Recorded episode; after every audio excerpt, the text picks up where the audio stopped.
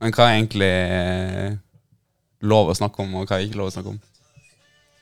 Nei, alt må være lov å Er du rødt nå? Nå er det rødt, ja. Tar du opp nå? Stjerne, eh, sånn som Stjørdal og sånn golfrunder, det er lov å snakke om? Ja, det må være lov. Ja, det går det Ja, okay. Ja, men tar du opp nå?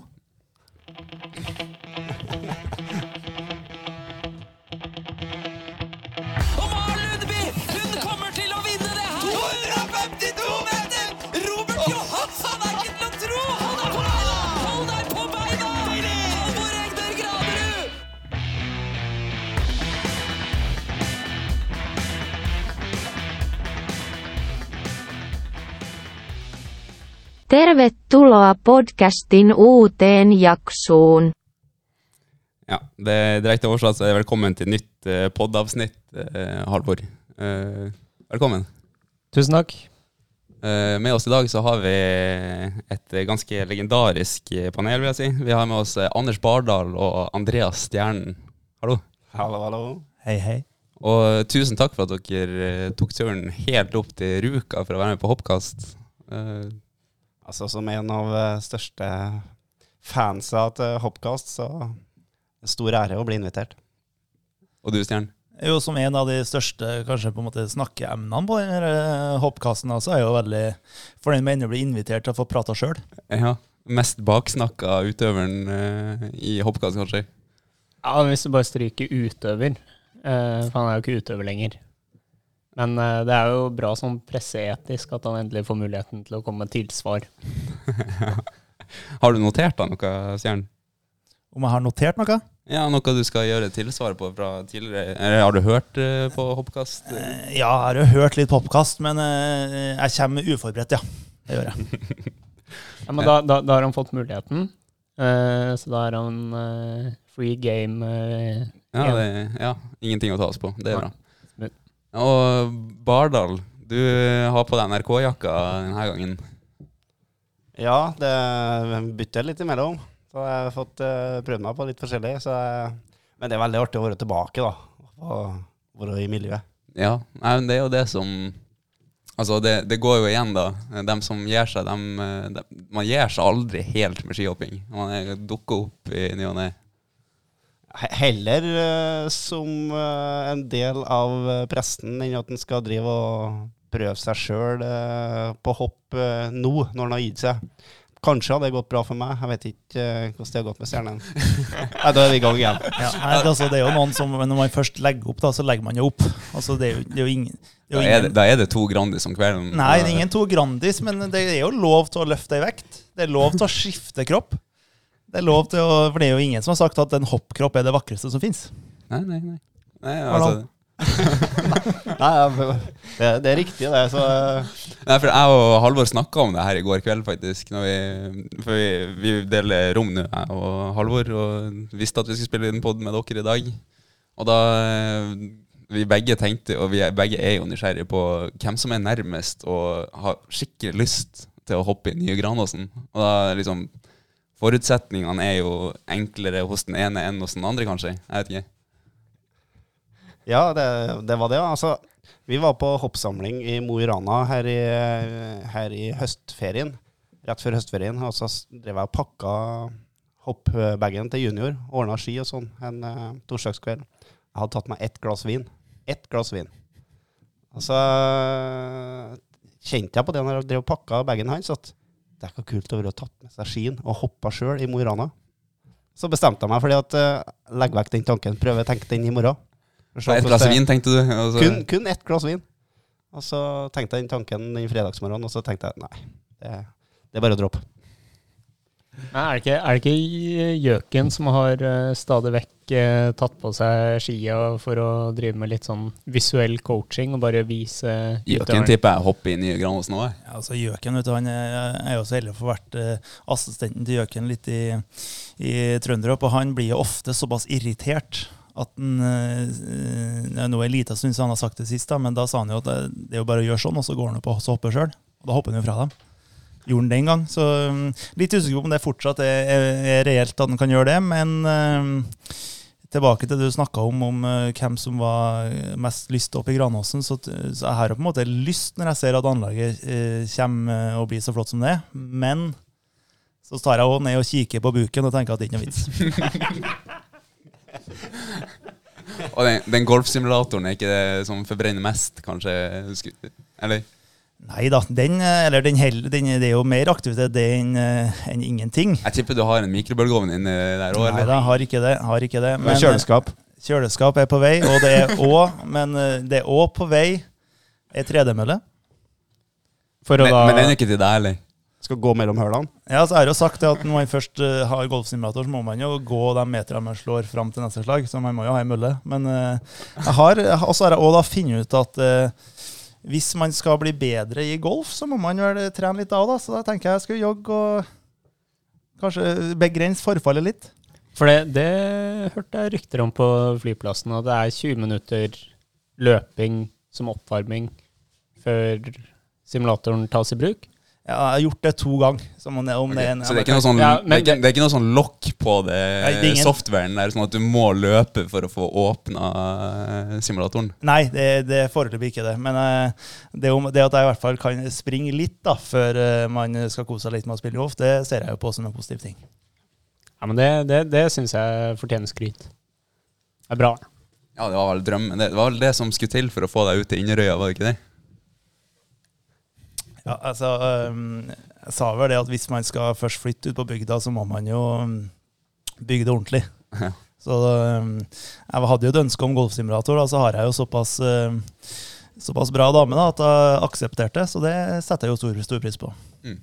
Hva måtte hun gi avkall på for at du skulle få golfsimulatoren din? Ble det diskutert? Nei, jeg tror ikke jeg måtte ha gitt så fryktelig mye. Kanskje det ble noen kvadrat mindre, mindre bad, da, men jeg, jeg ser for meg at de er store nok, dem òg. Ja. Og, eh, Bardal, da. Hva, hva du driver med om dagen du er nå? Du er, du er bankmann fortsatt? Jeg er fortsatt bankmann. Starta i banken eh, 14 dager etter at jeg ga meg å hoppe på ski, og der er jeg fortsatt. Trives uh, veldig godt. Så har fått muligheten da, til å være med NRK litt eh, i vinter nå i første omgang. da, Så får vi nå se. Det er nå stort sett bare én vinter på hver plassen, så får vi se om det er noen som vil ha meg med videre. Har du et årskontrakt da med NRK, eller hvordan fungerer det? NRK nå er foreløpig, foreløpig ut eh, sesongen her, ja. Ja. Altså Du kan ikke bytte hatt i hoppuka og være TV 2-mann da? Nei, eh, jeg sjekka jo litt opp med TV 2 da før jeg signerte en avtale med, med NRK, og der er jeg for gammel. I TV 2? Hæ? Det var det svaret jeg fikk. De gikk for yngre krefter.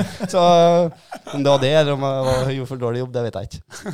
Men hve- hve- hvem er det som er yngre og på markedet, på en måte, med noe som helst av på en måte relevant kompetanse? Jeg er ikke så helt sikker på hvem det var som skulle tre inn i, i rollene der, så Jeg tror det er Marius Huse som har tatt over, og det, det er jo et veldig bra valg, det. Jeg må jo si det. takk. Marius Huse var flink, han. da. Kommenterte vel litt her i sommer. Han er jo, han er jo god med mikrofon, i hvert fall. Eh, men han har jo ikke måtte, first hand eh, erfaring med, med hoppuka, i hvert fall. Jeg blir ikke så god med mikrofon, jeg sikkert. da. Nei da, men eh, det blir, nok, det, det blir nok bra. Da. Jeg tror Marius jobba vel i, eh, litt i Viaplay i fjor og kommenterte litt der, så det, det blir nok bra, det. Og du da, Stjern, hva, du, hva er rollene dine for tida? Altså, Du er jo åpenbart med Viaplay.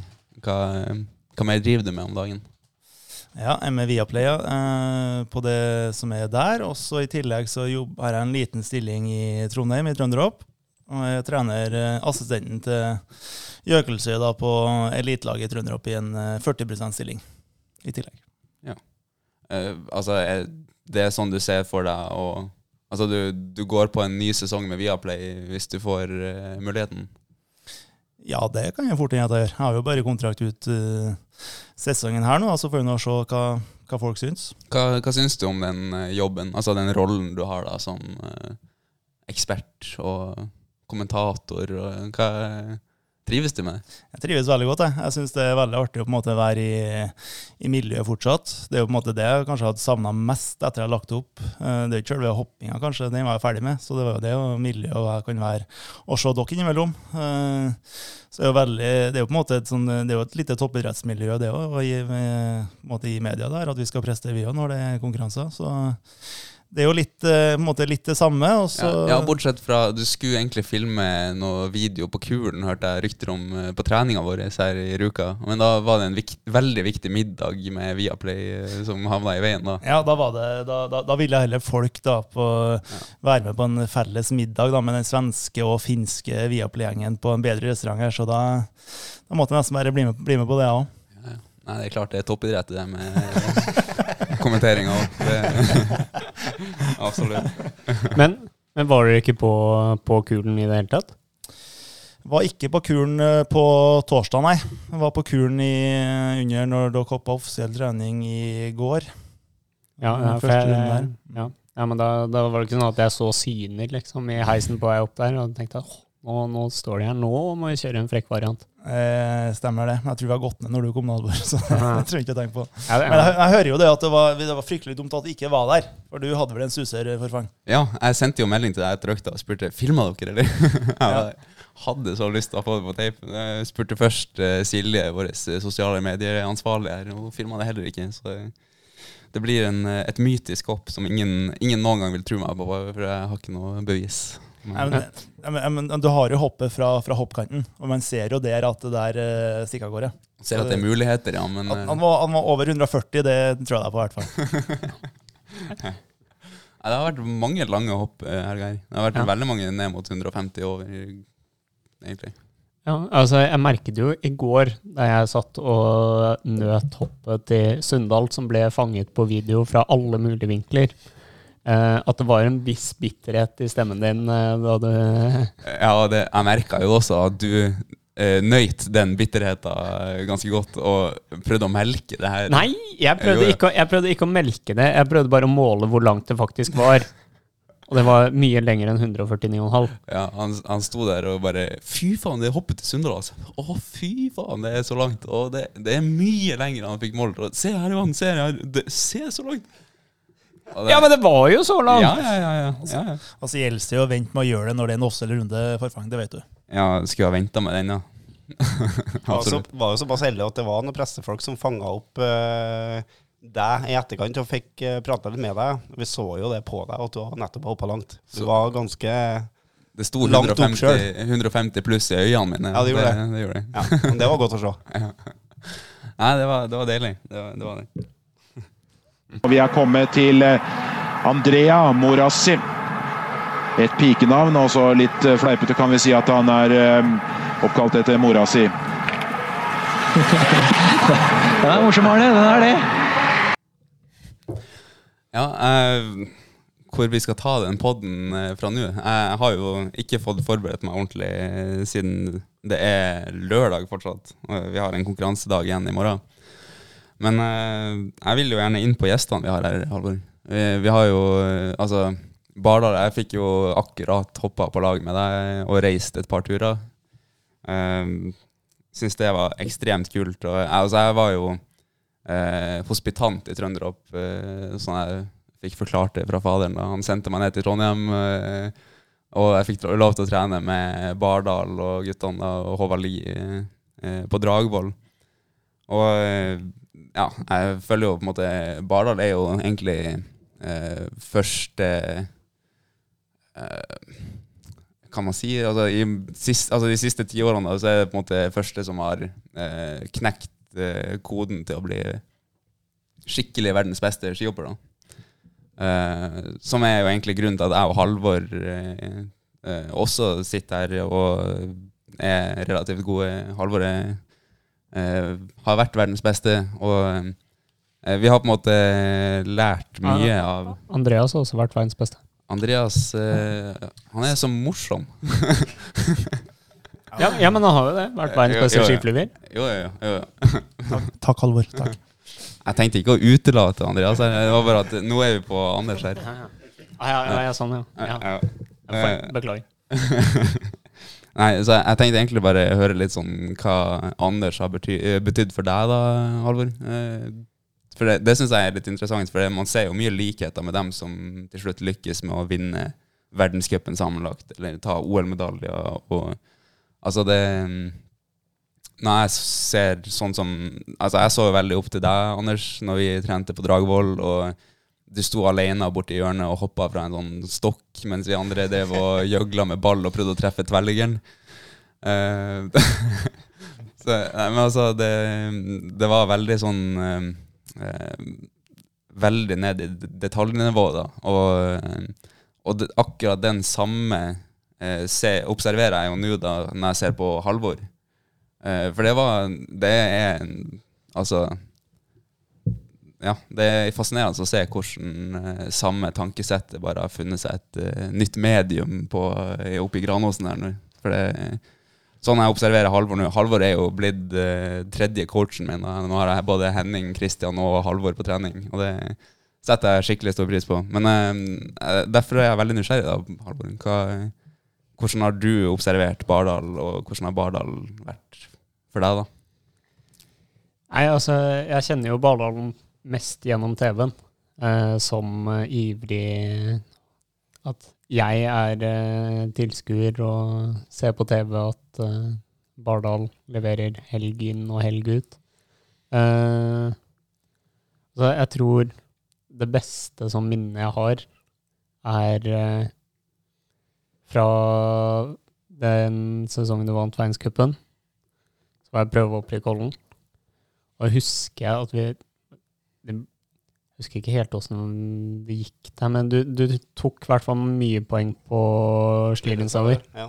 Eh, Om han hoppa kort, og du hoppa ble sånn to, eller Jeg vant, ikke, jeg husker ikke på hvilken eh, plass jeg var, men eh, Du tok mye poeng, i jeg tok poeng på han. Ja. Ja. Da, da husker jeg bare at det ble vi Jubelen sto i taket oppe i glasshuset der oppe, og det husker jeg var ordentlig kult. Eh, og sånn ellers så er det jo liksom den der eh, fascinerende stabiliteten din eh, som jeg husker eh, best.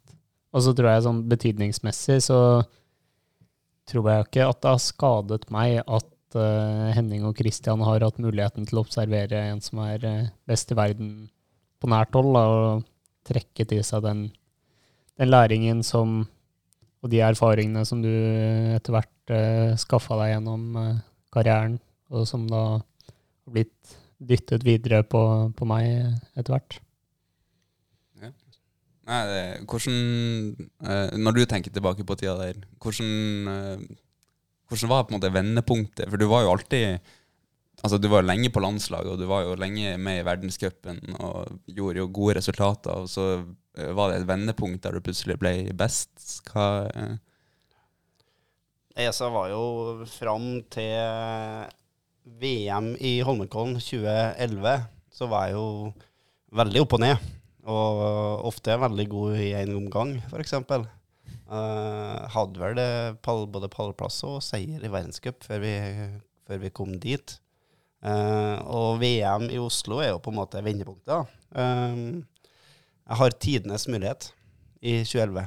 Jeg ligger på andreplass i VM i Holmenkollen, i Storbakken. Har muligheten til å ha medalje på hjemmebane.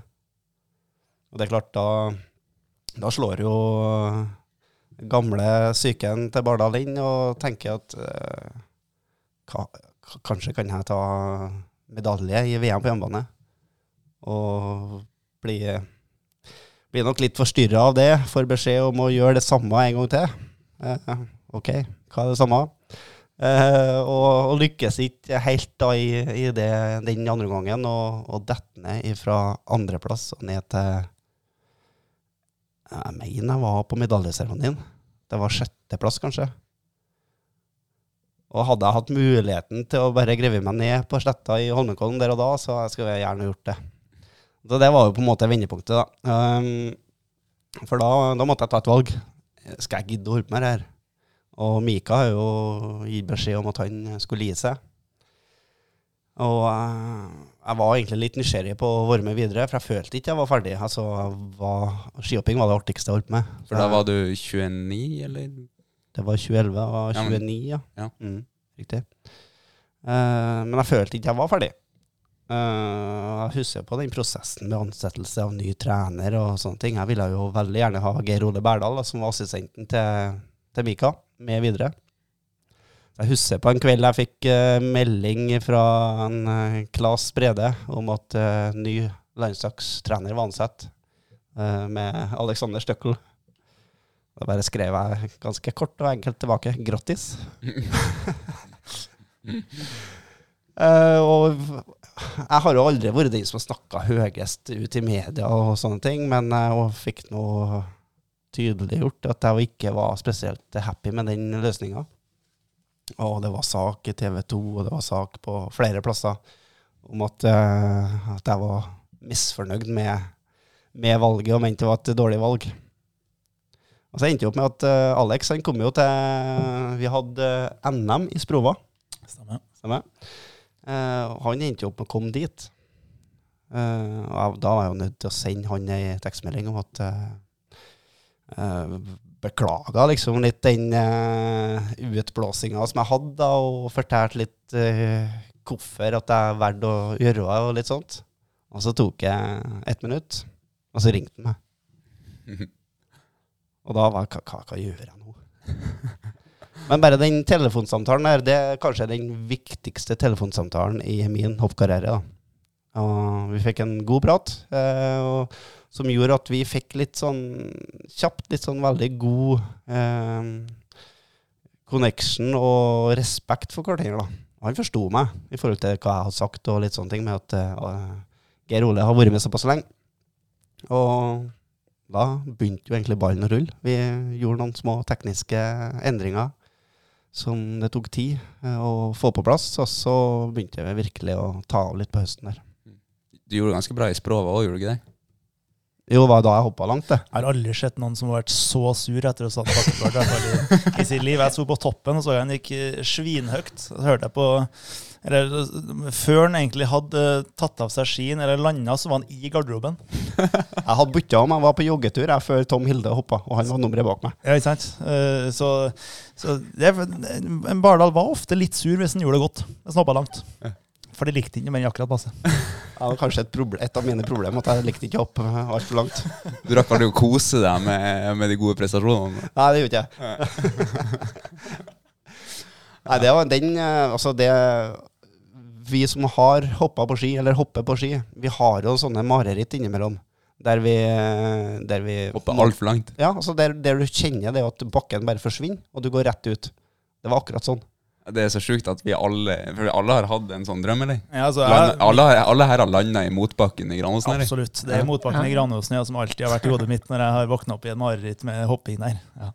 Jeg tror det, tror det nærmeste jeg kommer, er det å hoppe med hoppski på fjellet, og så har det bare liksom flydd nedover fjellskråningen. Jeg har ikke hatt noe mareritt i det hele tatt. Det var en kjempefin drøm. Det er Granåsen som gjør det med oss, da. Det, Nei, men jeg, jeg har også hatt den drømmen der opptil flere ganger, og bare ødelagt meg. Dere har kjørt zipline i Holmenkollen, eller? Nei. Jeg har prøvd Jo, det. jeg kjører zipline. Ja, Ja. Jeg kjørte i Vikersund. Samme, ja, men det er sikkert samme følelser.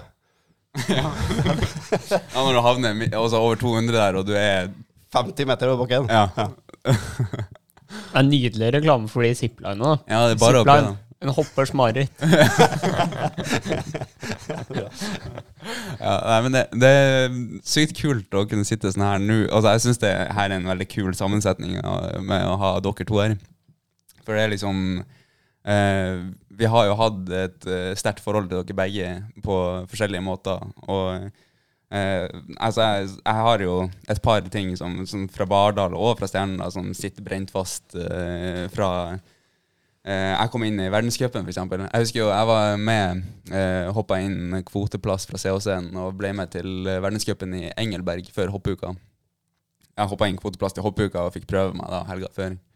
Og da var jo uh, Bardal-leir, og um, det er én ting du sa som bare Altså, jeg har lyst til å si det til alle som kommer inn i verdenscupen, bare. For det, det var sånn Jeg hoppa Jeg hadde sånn par-tre eh, treningshopp der, og alle var jo eh, Altså, jeg tror jeg hadde en tredjeplass på offisiell trening og sånt. Ja. Og jeg kommer inn i garderoben, og så ser jeg Bardal i øynene, og Bardal bare ja, Verdenscup, det er ikke noe vanskelig, vel? Jeg bare Altså, det Ja, det er et sånn, altså, En av grunnene så ble det bare et sånn sterkt minne på meg, som jeg bare har lyst til å si nå til eh, Altså si det til Sunndal, jeg har lyst til å si det til Bendik og alle når de kommer inn og presterer på, eh, på øverste nivå. Um, Jeg vet ikke om du trenger å si det til Bendik. nei, han må jo heller jekke litt ned, kanskje. Ut ifra det som jeg hørte han eh, offensiviteten hans før han starta sesongen. Og så, Ja, så vet ja du ikke- fikk med deg den? Ja, han skal vinne alle rennene, han. skal vinne alt, han. Ja. Ja. Ja. Og han har ikke gitt opp etter første omgangen, dag heller. Nei, Nei men, eh, ja, men sånn, sånn er det. Og jeg husker det sjøl. Første hoppet mitt i en offisiell runde i, eh, i World Cup, det var i Klingenthal, Nybakken. Mm. Um, det var første gangen det var hoppa i. Og første treningshoppet, og jeg vil dunke 140 meter, vet du, og jeg er så konge. Helt rå når jeg kjører utover sletta, og helt i skyene hele veien til, til jeg skal hoppe andre hoppet. Da har vi gått ned 20 bommer. ja. Så, eh, ja. Ja, det er jo flere som har fått smake på den i Klingenthal. Eh, Philip også hadde jo det samme året. Så hoppa han jo 148 meter i Klingenthal der, Ja. og eh, gikk rett på den? Eh, ja, nå er jeg jo veldig god på hopphistorie. og Sånn. Det var ikke din debut i Villingen, Berdal, og ikke Klingenthal? Det var Villingen, det var det jeg mente. Ja, vi må, vi må få det Takk. rett her. Ny, Nybakken i Villingen. Ja, for Nybakken i Klingenthal det var sånn 2007, og det var jo litt seint. Det var seint å debutere, da. Det er eh, takk. Du har Ja. kontroll. Ja, nei, husker du noe fra Engelberg 2014? Engelberg 2014 Da jeg kom inn. Altså, nå fisker jeg litt om du husker når jeg og Philip kom inn der i, i verdenscupen. Det gjør du sikkert ikke. Jeg var jo på tampen. Uh, Ja, jeg husker ikke. Nei. Nei. Jeg, jeg husker, for jeg har også et, et sterkt minne til av deg okay. eh, på edelveis. Ja. Fordi det her er jo uh, i førjulstida, og altså, jeg som deg er jo veldig julekjær. Jeg husker du satt på rommet ditt med åpen dør og hørte på Jul med DDE på veldig høyt eh, volum. Ja. der, der, der skulle du ha julestemning! Det var liksom ja, altså, men Engelberg er jo juleplass nummer én. Altså, når du kommer til Engelberg som skihopper, så vet du at det snart er jul. Så det er siste helga før du reiser hjem til, til jul, og da må du begynne å få rett stemningen. Det, det er litt verre når du kommer der eh, 26. desember og skal opp i COC, da. Jeg har prøvd det òg. Ja. det er ikke like trivelig. Nei. Um, ja, og Andreas, da. Jeg er litt interessert i å høre ditt forhold til Bardal også, før vi skal slippe Bardal litt. Uh. Ja, mitt forhold til Bardal, ja. Eh, Det starta vel, da. Vi var jo på en måte den eh, første hoppstjerna fra Nord-Trøndelag i min levetid. Eh, Når du slo gjennom på starten av 2000-tallet der. Så jeg ble jo veldig fort eh, et forbilde sånn sett. Jeg mener jeg husker på at jeg var hoppa et hopprenn i Yrken i Steinkjer, der er sm- småbakkanlegget der. Og det var omtrent den tida Bardal og Holberg slo gjennom. Da tror jeg han hoppa et renn i 40 der. Om det kan stemme? Jeg tror jeg har faktisk hoppa i eh, nyanlegget i 40, ja. Jeg mener Ja. jeg har gjort det. Eh, samtidig, når jeg var Jeg er jo en del år yngre, så jeg syns jo det var stort at han var med og hoppa. En del år yngre. Jeg er jo det. Ja, du er det. Ja. Eh, så sånn jeg på en måte først vært eh, kjent med hvem han var. Ikke at jeg kjente han da, men så flytta jeg til Trondheim i 2006. Da var jo allerede på en måte Anders en etablert eh, fyr på eh, landslag, B-landslag i hvert fall. Så han var jo en av de eh, store guttene som jeg fikk være med på trening på når, eh, når jeg flytta til, Trondheim. eh, sammen med Tom Ingebrigtsen og Roar Jøkelsi og gjengen her, som var kanskje hakket over sånn, sånn eh, eh, prestasjonsmessig hadde vært, i hvert fall. Det er greit, det. Ja, men jeg ble jo, jeg ble jo etter hvert godt, godt kjent. Vi var jo på landslaget i fire-fem år, da, kanskje, før du la opp. Jeg var jo så heldig å få bli med når Alex tok over. Og vi utvikla jo et bra forhold, vi, med både i bakken og utenfor bakken. Ja, ja, ja. Jeg var, jeg, jeg var, jeg var jo jeg, Kan vi si at jeg var en singel ungkar eh, som ikke bodde så langt unna, så Bardal passa vel på meg. Han og hans eh, kone Ingrid da var jo viktig for min eh, utvikling som menneske i Trondheim. Både som hopper og uten og ikke hopper. Jøss, det er voldsomt, Andreas. Ja. Jo, men du, du, du var jo litt fornuftig. Jeg har alltid på en måte vært litt fornuftig, som uh, tok litt vare på oss uh, yngre, yngre gutta. da. Jeg husker jo på en gang uh, du var til oss, tror jeg. Og så Hva var det som skjedde med bilen din? Hadde du punktert, eller et eller annet? Og så begynte jeg å lure. Hva søren gjør jeg nå? Jeg ringer fatter'n. Sier han.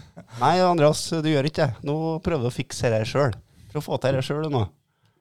Det viste seg at det var dumt, da, for da måtte jeg betale litt ekstra, og han kunne ha fiksa det. Men eh, det var litt, handla litt om å gjøre det litt sånn eh, Sjølstendig. sjølstendig. Ja, ja.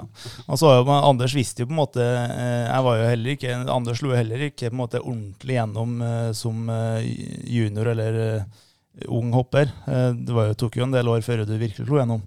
Så det ga jo på en måte du vant vel NM ganske tidlig, gjorde du ikke det? ja, ja Men jeg tenker sånn i Da var du- verdenscupsammenheng, da. Da var jeg 19. 19. Ja. Eh, men det skal sies at det var samme året som Sør-Korea slo oss i lagkonkurransen i OL. Hadde du For det, det, det NM-et tror jeg jeg har sett noen klipp av. Og der eh, var det Hoppa dere om plass til OL da, eller er det jeg som husker helt feil? Eller var du klar allerede? Det husker ikke jeg, men eh, i utgangspunktet så var det jo snakk til at eh, Norge ikke skulle sende hoppere til OL, fordi vi var så dårlige. Så jeg husker ikke når, eh, når det ble bestemt at jo, vi sender fire hoppere.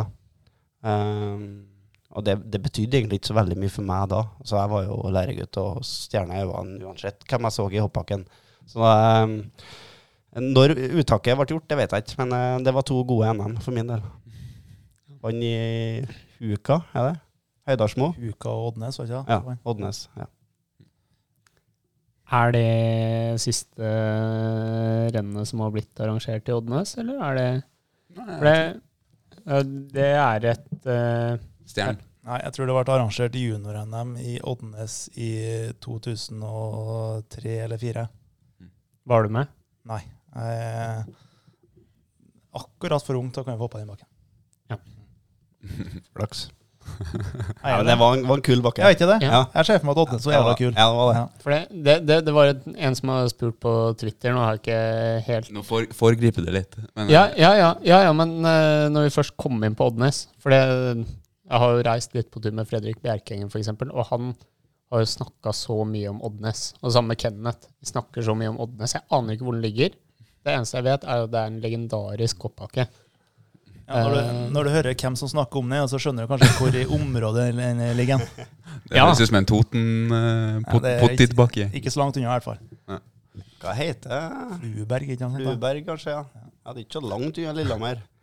Ja. Nei, det er jo i det Inn i landet. Ja. Det, det, er, det er Jeg er ikke stø nok i geografi til at Fluberg sier meg så veldig mye om hvor eh, Men eh, Rett att rett att med samvirkelaget, vet du, bort på Nei. eh, Nei, men dere har, dere har litt å lære ennå, gutta. Dere har det. Ja, nei, men Stjerna, Altså, jeg syns det er interessant å høre eh, altså, hvilken rolle Anders hadde for deg. da For det, altså, det ble jo nesten en slags overlapp der fra uh, Bardal slutta da, til at jeg kom inn, og du plutselig var eldst og han som skulle ta ansvar.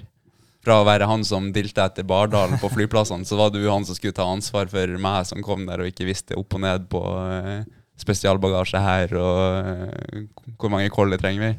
Ja, nei, kon Kondolerer litt akkurat der, da, at ikke du fikk Bardal, men at du fikk meg. Men eh, nei, jeg tror nok men, Nei, men jeg, sy- jeg synes jo, altså Ja. Når du spør meg, så syns jeg du tok den rollen veldig bra. Ja da, jeg altså, jeg synes jo den Jeg lærte masse av deg den tida der. Ja, nei, jeg tror nok eh, altså, Jeg hadde jo lært mye Anders. Han visste jo på en måte veien òg. Litt for eh, en måte, litt sånn late bloomers-stilen. Å ta siste stegene måte, inn i verdenstoppen litt, eh, litt etter hvert. Det var mye å lære av det for dem som ikke slår gjennom med en gang.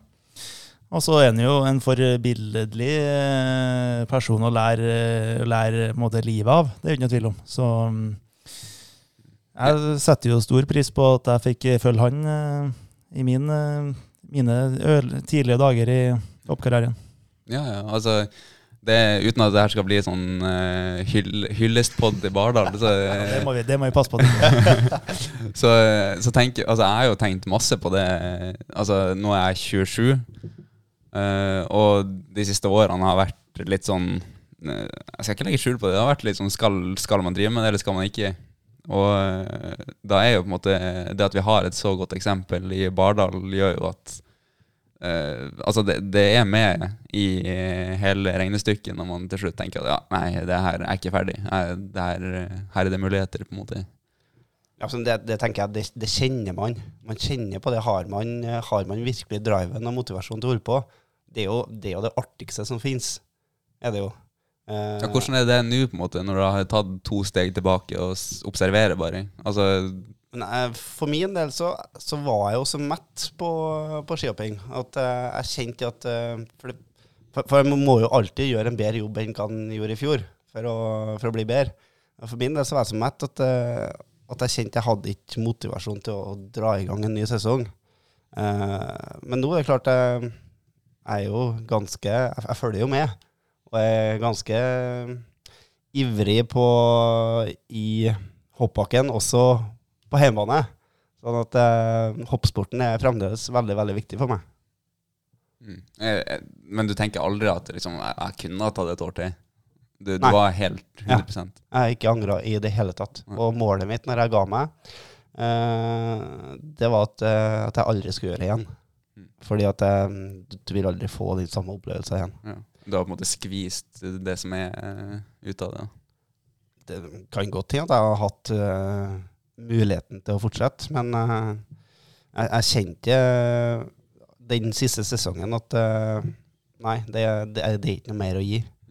Så den, den heisturen i Holmenkollen i mars i 2015 Ja, det husker jeg. Holmenkollen Holmenkollen 2015. Ja. Ja, den, det er den tøffeste heisturen jeg noen gang har hatt. Ja. For da For da det, bestemte du det? nei, jeg hadde bestemt meg før, Ja. Og det var ikke noe mange som visste om det. Mm. Eh, Jeg diskuterte med Roar Stjernen, som har vært egentlig litt sånn rådgiver og litt eh, sånn underveis. Eh, gikk inn på rommet til han eh, i eh, Rå Air i Trondheim, og han så jo med en gang han kom inn på rommet hva som var i gjerdet.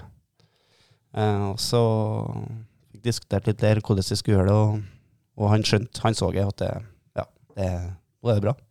Og jeg snakka med, med Alexander Støkkel og Jeg husker ikke om jeg snakka med en Klas Brede før, jeg, før den siste dagen, men eh, Alex fikk visst av det den morgenen før det siste rennet. Ja, Jeg fant jo ut at jeg gikk, jeg gikk inn i smøreboden, men jeg husker mellom en av omgangene der og skulle opp og hoppe, og der sto du og Hvem var det? Du og en til i hvert fall sto og strigrein. og jeg bare OK, jeg forstår hva som skjer her nå. Ja, nei, det var nok etter siste omgangen, for det var ingen som visste om det før, eh, Ja. før eh, Eller noen visste om det, men eh, jeg kjente ikke på det sjøl heller før jeg satt i heisen og styrte opp siste oppe. Eller etter siste hoppet. Ja, Enn du, Andreas. Har du kjent at du hadde mer å skvise ut av, av hoppkarrieren din?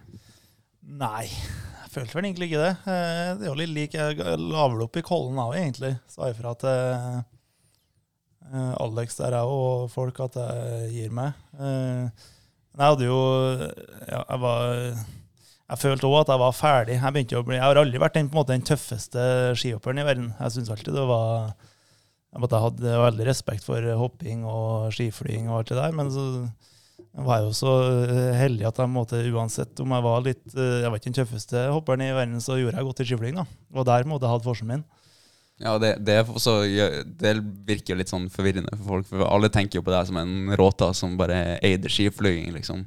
Og da er du liksom tøffest i klassen, ikke sant? Ja, nei, Jeg er ganske sikker på at jeg var sikkert den mest redde på laget når jeg skulle opp, jeg opp skiflying. Jeg syntes det var tøft, det. Men uh, jeg merka det på slutten, at jeg, at jeg ble litt eldre og tryna jo ganske stygt tilaktig der. Gikk rundt der, og så følte jeg at jeg har null sjanse til at jeg skal gå opp og måte, klare å trykke det sånn som jeg må da, i skiflying. og og ellers, hvis det bles litt for å henge med dere yngre gutter som var på, på en måte var, var, var i toppen, så da merka jeg jo da at det er ikke noe vits å fortsette fortsette å hoppe på ski hvis man hopper på 70 Mm. Da er det bedre å la andre folk ha muligheten til å gjøre det. Så du, du følte nærmest at du var litt på overtid når, du, når du ga det, eller? Eh, Ja, altså jeg, jeg vurderte jo ganske kraftig etter 2018-sesongen òg, Mm. om jeg skulle ta en sesong til. Men eh, jeg hadde jo på måte lyst og tro på at jeg kanskje kunne klare å ta en individuell medalje i et mesterskap òg, da. eh, I, i Seefeld året etterpå. Så jeg, jeg gikk jo inn i en sesong med full guts, men eh, etter det fallet i Lahti, så ble jeg på en måte 100 sikker at nå får vi bare prøve å Tenkte du når du sklei nedover sletta der eh, i Lahti, var det da du liksom tenkte at ok, det Nei, er jeg, jeg tror jeg merka etter at jeg prøvde opp første gangen. I, i, I noe som var din første lagkonkurranse, Holder du ikke det? Jo, det, endelig skulle jeg få lov til å hoppe, hoppe lagkonkurranse i verdenscup etter å Jeg hadde sikkert Jeg tipper jeg hadde 50-60 worldcuprenn jeg, før jeg fikk eh, komme meg inn på liksom topp fire der. Eh, og jeg fikk jo opp et minne her på Snapchat i går fra de vrakede edition Ruka med et bilde av oss to. Ja, vi har sett noen lagkonkurranser sammen, vi. Vi, vi har sett noen lagkonkurranser sammen. Ja, I 2018 her så var det jo faen meg lagkonkurranse hver helg. Jo. Ja, ja, og man skulle ikke bytte på et lag som vant helgen før, uansett egentlig hvordan det gikk i trening og kvalik. Ja, Vi vant jo stort sett alle konkurransene, Ja, bortsett fra det, to. det har alltid vært ganske fair det at de fire beste i en kvalik eh, hopper jo som regel eh, lagkonkurranse dagen etterpå. Ja, men eh, det, det, det, det var ikke sånn her. Nei, for her var jo, For- jeg var for- jo ikke tatt ut på det laget. Nei. Men Daniel skada jo seg i kvaliken. Ja, ja, ja, ja den i Lahti, så, så skada jo først eh, Daniel seg i kvaliken, og så Og så var, var, var han egentlig tatt ut, men så måtte jeg steppe inn som reserve i siste liten her. Og jeg skulle være ankemann, og du hoppa pulje tre. Og Det er ingen grunn til at jeg egentlig skulle være i den pulje nei. Det var ikke noe taktisk bak det. Nei, og så husker jeg jeg og, jeg og Vilberg da, hadde teknikk på, i hallen eh, før rennet der. Altså, så jobba vi litt og tok litt imit, og så sa jeg faen, nå går vi all in på det her, eh, Vilberg. Ja, ja, vi, nå kjører vi all in. Så Dro vi i, i bakken, prøvegangen, triller rundt. Ja. Ja, det, og det, jeg husker bare den følelsen liksom bare, Du bare pff, ble borte der, og alle på toppen bare øh. Eh, Fikk den der snurringslyden, og så Du hadde jo jinxa den der, du. Ja, det hadde jeg sikkert. Nei, Ja, jeg husker, ja, men det var ikke du, Altså, Stjernen satt og prøvde sittestillinga på toppen, og du bare Fy faen, Andreas, med den stillinga der så kan det ikke gå gærent. ja, så stemmer det. det stemmer det. Det- Rett ut og ta strak salto. Fikk vel kanskje ikke helt det jeg prøvde på da på, i hopp hopp etterpå. Ja, og i, sted, I stedet så måtte jeg ta heisen opp fra sletta sammen med Walter Hofer og prøve å drive litt sånn lobbyvirksomhet for å hyre inn eh, Jarl som erstatter for erstatteren for Danny. Du hoppa, gjorde du ikke? Jo, jeg, altså, jeg, altså, jeg fikk jeg, jeg fikk jo ikke noe sånn fryktelig vondt der og da. Jeg var jo inne på en ganske grundig legesjekk og fikk tommel opp og gikk opp. Og så tenkte jeg det er jo en lagkonkurranse. Ja, sant. Uh, Så da stikker jeg opp, og så seiler jeg over. Ja, altså, men nei, men vi har jo alle snakka om eh, opp gjennom årene på landslaget at man, det er viktig at man hopper med en gang etter at man har tryna. Så, Så ikke får skrekken. så man ikke Ja. får skrekken, tenkte jeg. Nå er jo virkelig å prøve det i praksis. da. Hopp uten å få skrekken. Det var når det var ti, det. Men jeg møtte at det Men skrek, sånn. skrekken hadde satt seg. Ja, det hadde satt seg. Altså, jeg, jeg, jeg er helt sikker på at det fortsatt er krater etter uh, deg Lahti. Det var mye mann som uh, traff kuren her. ja, Men, det, men faen, du har det der med å steppe inn i siste liten i Lahti. Ja, har du lyst til å komme inn på den? Ja, det skjedde jo i VM også. ja, ja, det, var ikke, det var jo bare et par år før da, at jeg plutselig steppa inn i en miks der som jeg heller ikke var forberedt på. Nei, for, for da ringte Alex deg mens du satt med godteposen og ølen i handa. Nei, det var, det var ikke så gærent da, at det var øl. Men eh, jeg og, det var det jeg og Tom da, som var reserve, og Robert, tror jeg. eh, som begynte å sette oss til og skulle begynne å se VM-sendinga med, med langrenn og kombinert eller hopp eller hva det var først. Så da, da, da når man sitter på sånn fellesrom med VM, så er det jo alltid litt sånn snacks og brus og litt sånn. Så vi satt jo og kosa oss litt, og så plutselig ringer Alex. Jeg tror jeg hadde et ubesvart anrop fra Alex først, for jeg klarer aldri å ha lyd på det. Nei, jeg, lyd på jeg klarer aldri å ha lyd på telefon. Uh, så er det Alex har ringt, men jeg skjønner jo. Jeg ringer jo tilbake, da, og da er jo han litt stressa. Var det her lenge etterpå, liksom? Hadde du, altså, Nei, det var fem minutter etter at han ringte. Da skjønte jeg jo at her er det her har skjedd noe. hva sier var, Alex da? Nei, det var bare øh, du, øh, Forfang håper ikke. Du må komme. Ha det. Et eller annet sånt. At det var bare, han var stressa. Jeg jeg skjønner at her er bare å hive seg i bilen og kjøre. Ja, hva, hvordan bil, hva, hvordan løser det her seg? Nei, Da, da ja, bor vi 40 minutter unna bakken. Ja, jeg tror det var fikk eh, Vi satt jo på et fellesrom, så jeg tror jeg fikk, eh, fikk en sånn langrennslandslaget Volvo jeg, som jeg satt meg i. Mm. Og fikk eh, kjørt innover. Hva som skjedde da? Nei, det som skjedde da, er jo Altså, jeg, jeg skulle jo hoppe her Å, Å, herregud, det, det her ble jo så oppstyr. Eh, Men altså, jeg Leave no details. Nei. Her eh, gjør jeg meg klar. Eh, vanlige prosedyrer. Jogger meg en tur, skal skifte. Går en tur på do. Eh, gjør meg ferdig på do, ser ned i do. Det er faen meg blodpøl ut av et annet helvete. Så jeg satt der og bare Beklager at jeg spurte. Så jeg satt der og frøsa blod i, altså før jeg skal opp og hoppe VM i mixed. Og bare Å, fy faen. Og så jeg bare OK, eh, prøv å la det her gå. Uh, meg opp, eh, går ut derfra, og så kjenner jeg at eh, rommet ble plutselig jævla trangt, og eh, det begynner å svartne for meg.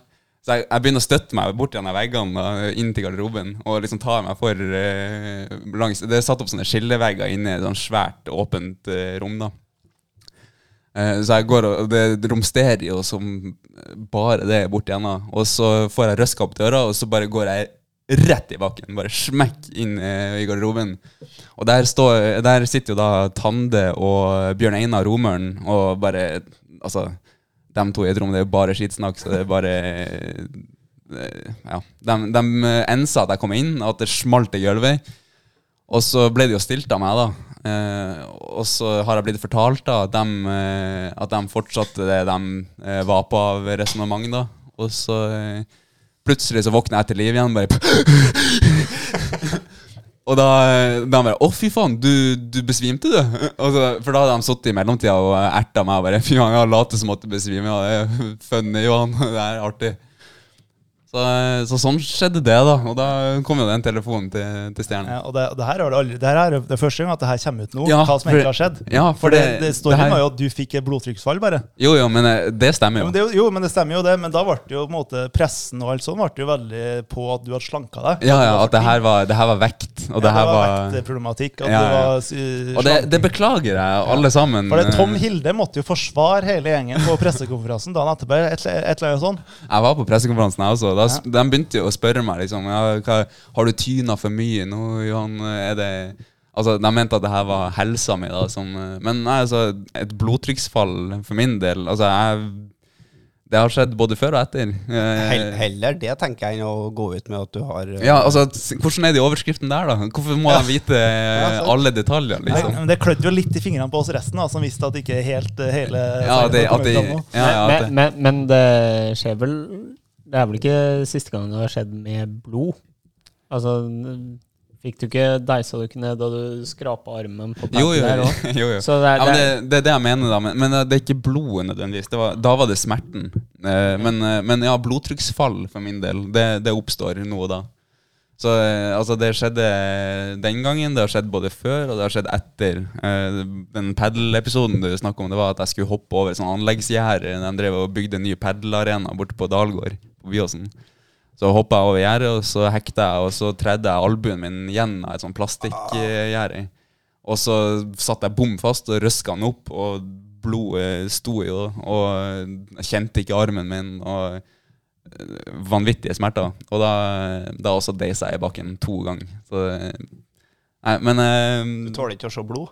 Jo da, jeg, jeg har ikke altså det, det er veldig lett å trekke den Nei, altså En av favorittseriene mine er The Walking Dead. Altså Jeg ser på zombier som spiser uh, andre folk, liksom. Det er ikke noe problem med å se blod.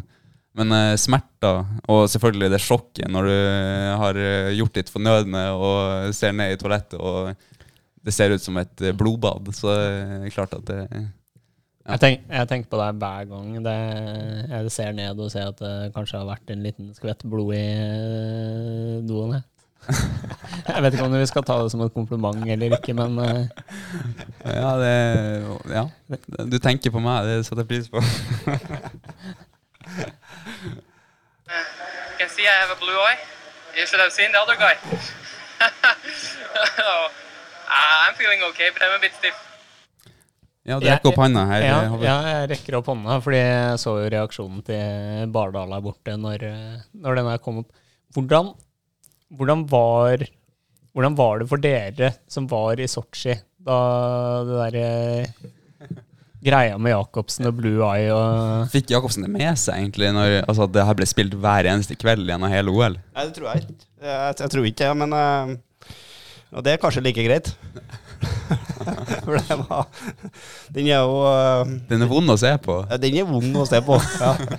Jeg lurer meg på om jeg klarte å fortelle det til han i forkant før han dro til med den òg. At, eh, Kanskje, Altså, skal, altså kanskje, selve joken er jo kanskje, ikke noe kanskje jeg skal ta æren for den joken? ja, men altså, ikke traff helt. ja, men det er jo ikke noe galt med, med joken. Det er, jo, det er jo bare det at han ikke klarer å stå i det. Så, at han angrer seg med en gang. Og,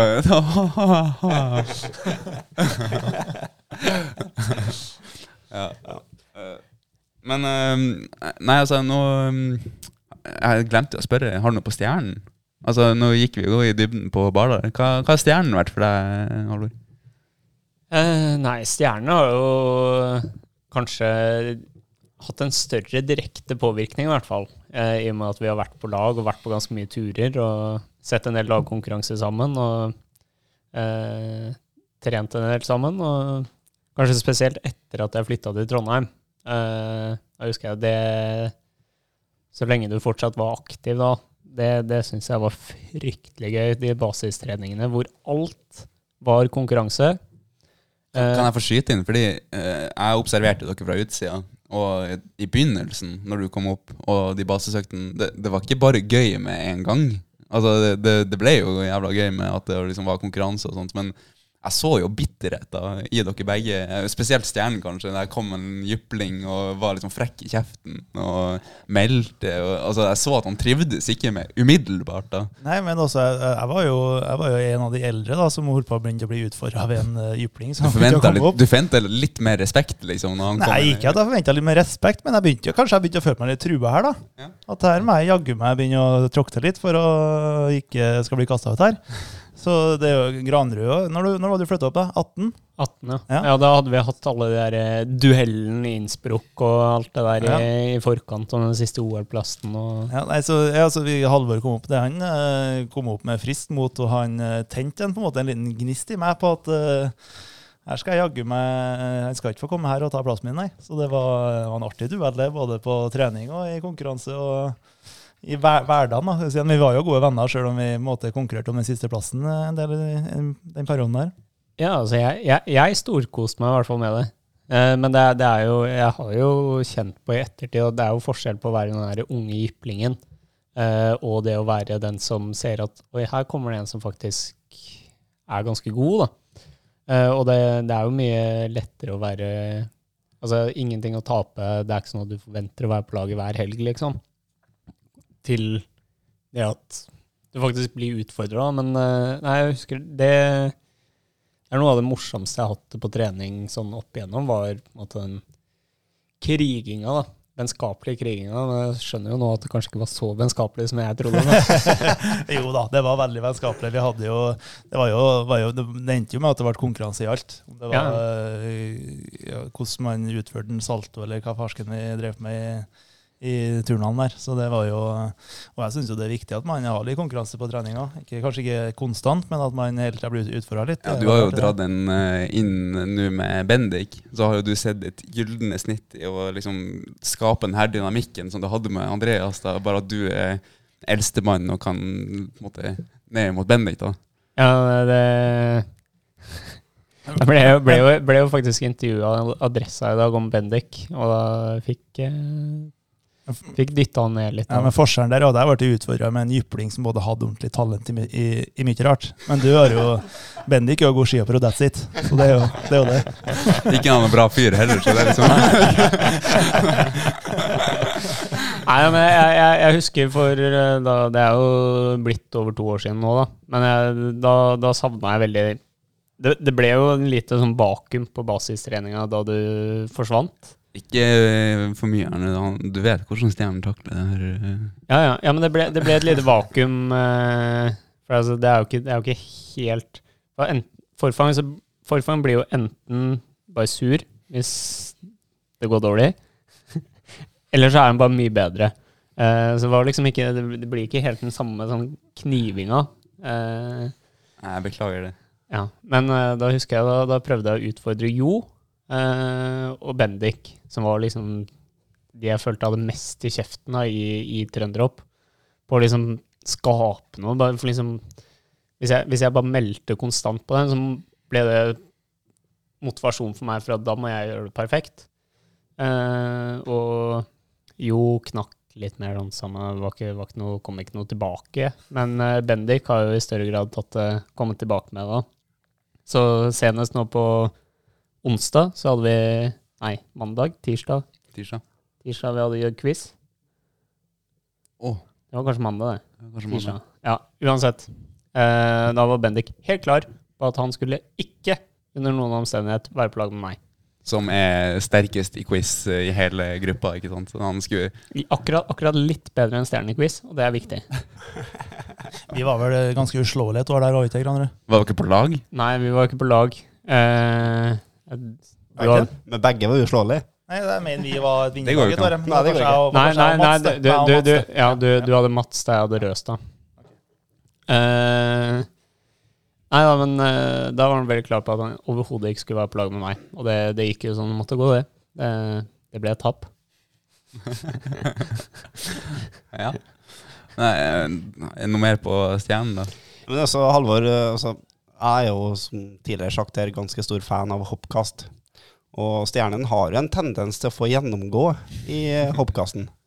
Og det er jo Mannen, myten og legenden, det lever alltid videre. ikke Ja, altså han, han er jo enkel og på en måte harseler... Altså ikke harseler, men være litt sånn send noen stikk til, da. Ja, jeg, jeg, jeg vet ikke helt hvorfor, om det på en måte er det at han, han tar det på en god måte, på en måte. Jeg tror det er mest det at han Det blir alltid Altså, er du frekk, så det blir alltid humor ut av det. Yes. ja, ja, og det, det er jo en ekstremt god egenskap. Og noen tåler jo å få dem å sende stikkene rett i retur, og der er, der er han god, da. Ja, der, der tror jeg han er blant de beste. Det er faktisk hans fremste egenskap. Selv om han har, har en verdenscupseier, så, så, så er det nok eh, det å ta, ta stikk som er eh, der han er best. Ja, nei, jeg, jeg, jeg glemmer jo egentlig det at jeg klarte å prestere et eller annet av og til i opphakken. Eh, ellers stort sett så har det jo For du var der kun for alt rundt. Ja, det var Altså, jo, nei, nei, men jeg hadde jo jævla morsomt på tur. Det var jo det.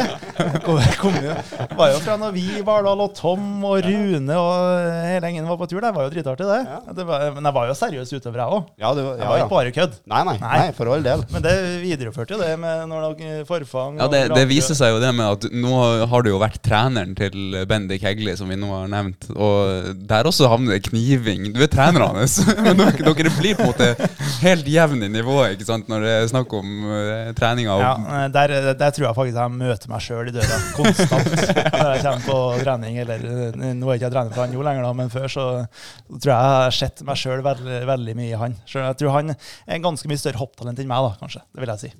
ja, vil du det? Det var veldig ydmykt. uh, Nei, men jeg er jo en, jeg er jo en ydmyk type òg. ja. ja. Ja, men altså, Innimellom. Ja. Hvor gammel var du når du kom på laget?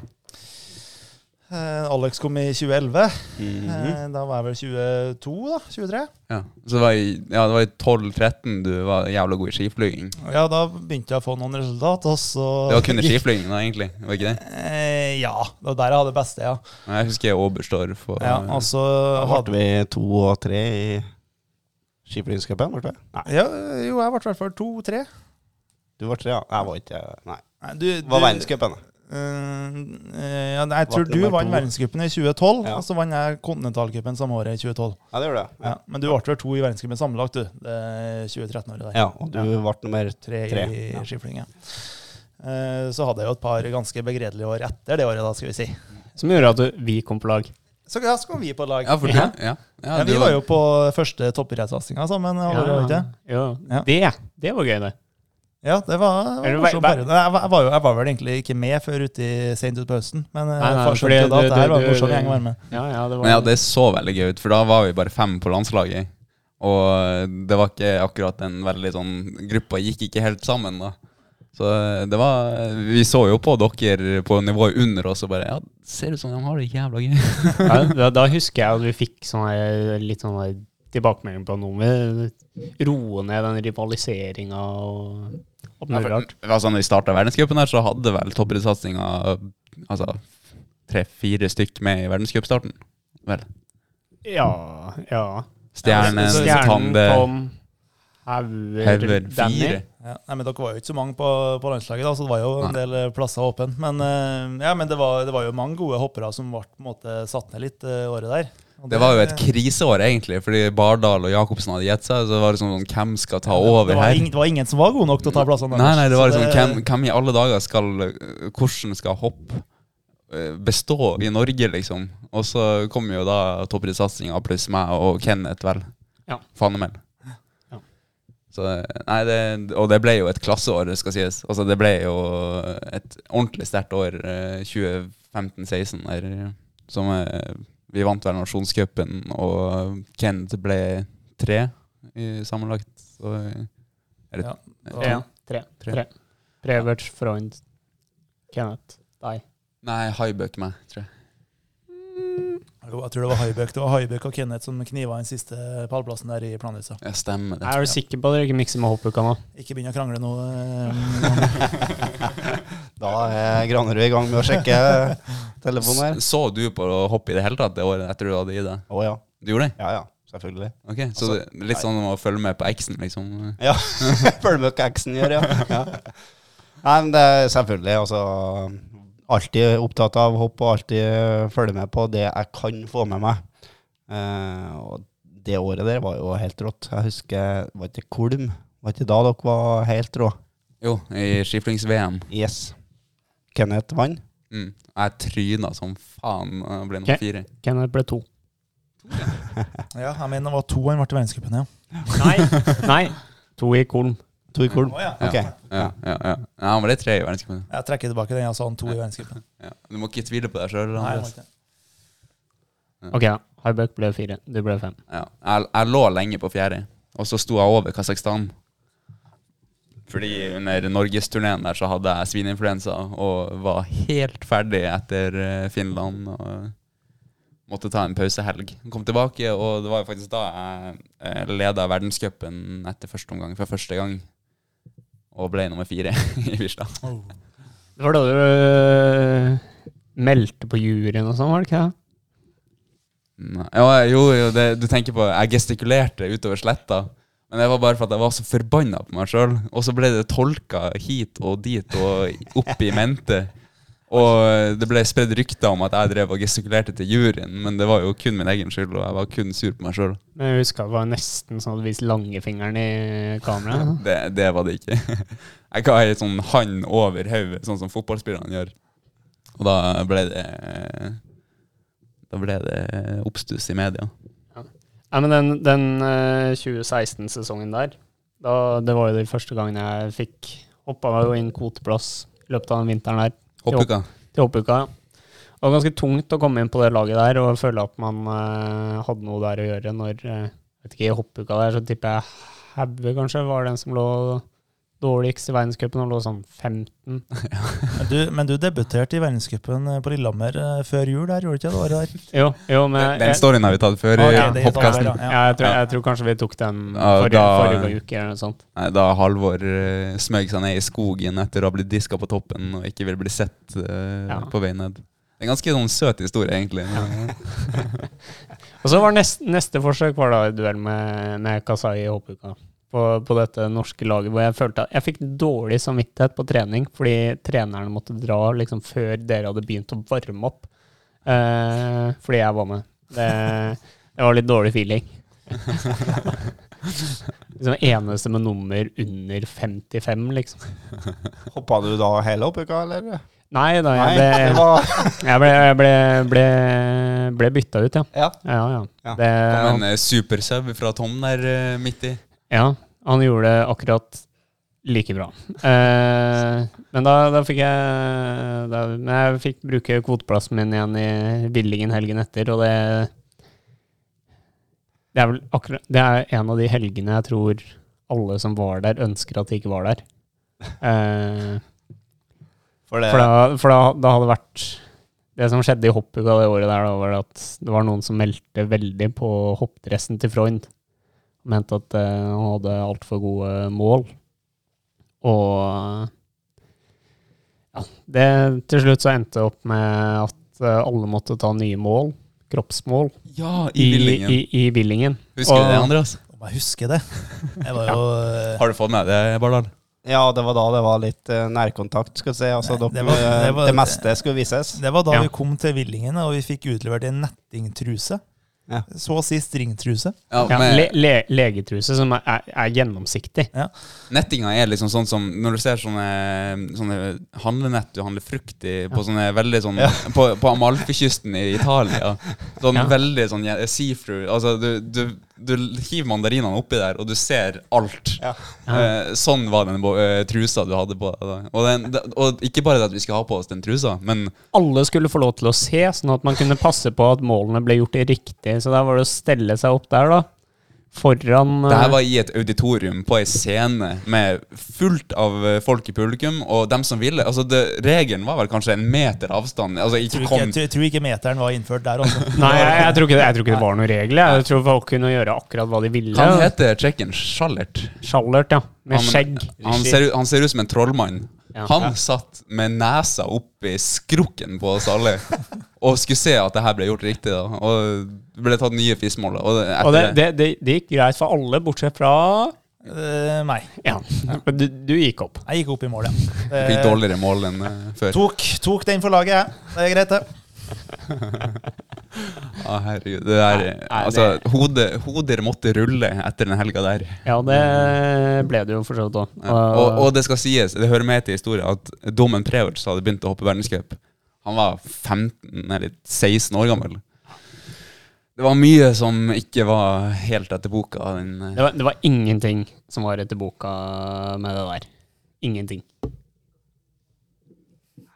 ja, ehm, det hadde ikke gått med damen, nei. Det, det kommer fra sida her. Det Nei, jeg er helt Det, enig. det, det burde ikke gått med oss heller. Nei. Nei. Det går ikke med 15 år gamle gutter heller. Nei. Nei, sant. Men det, det, det var i hvert fall Det var andre turen min, da. Fikk jeg lov til å være med på det.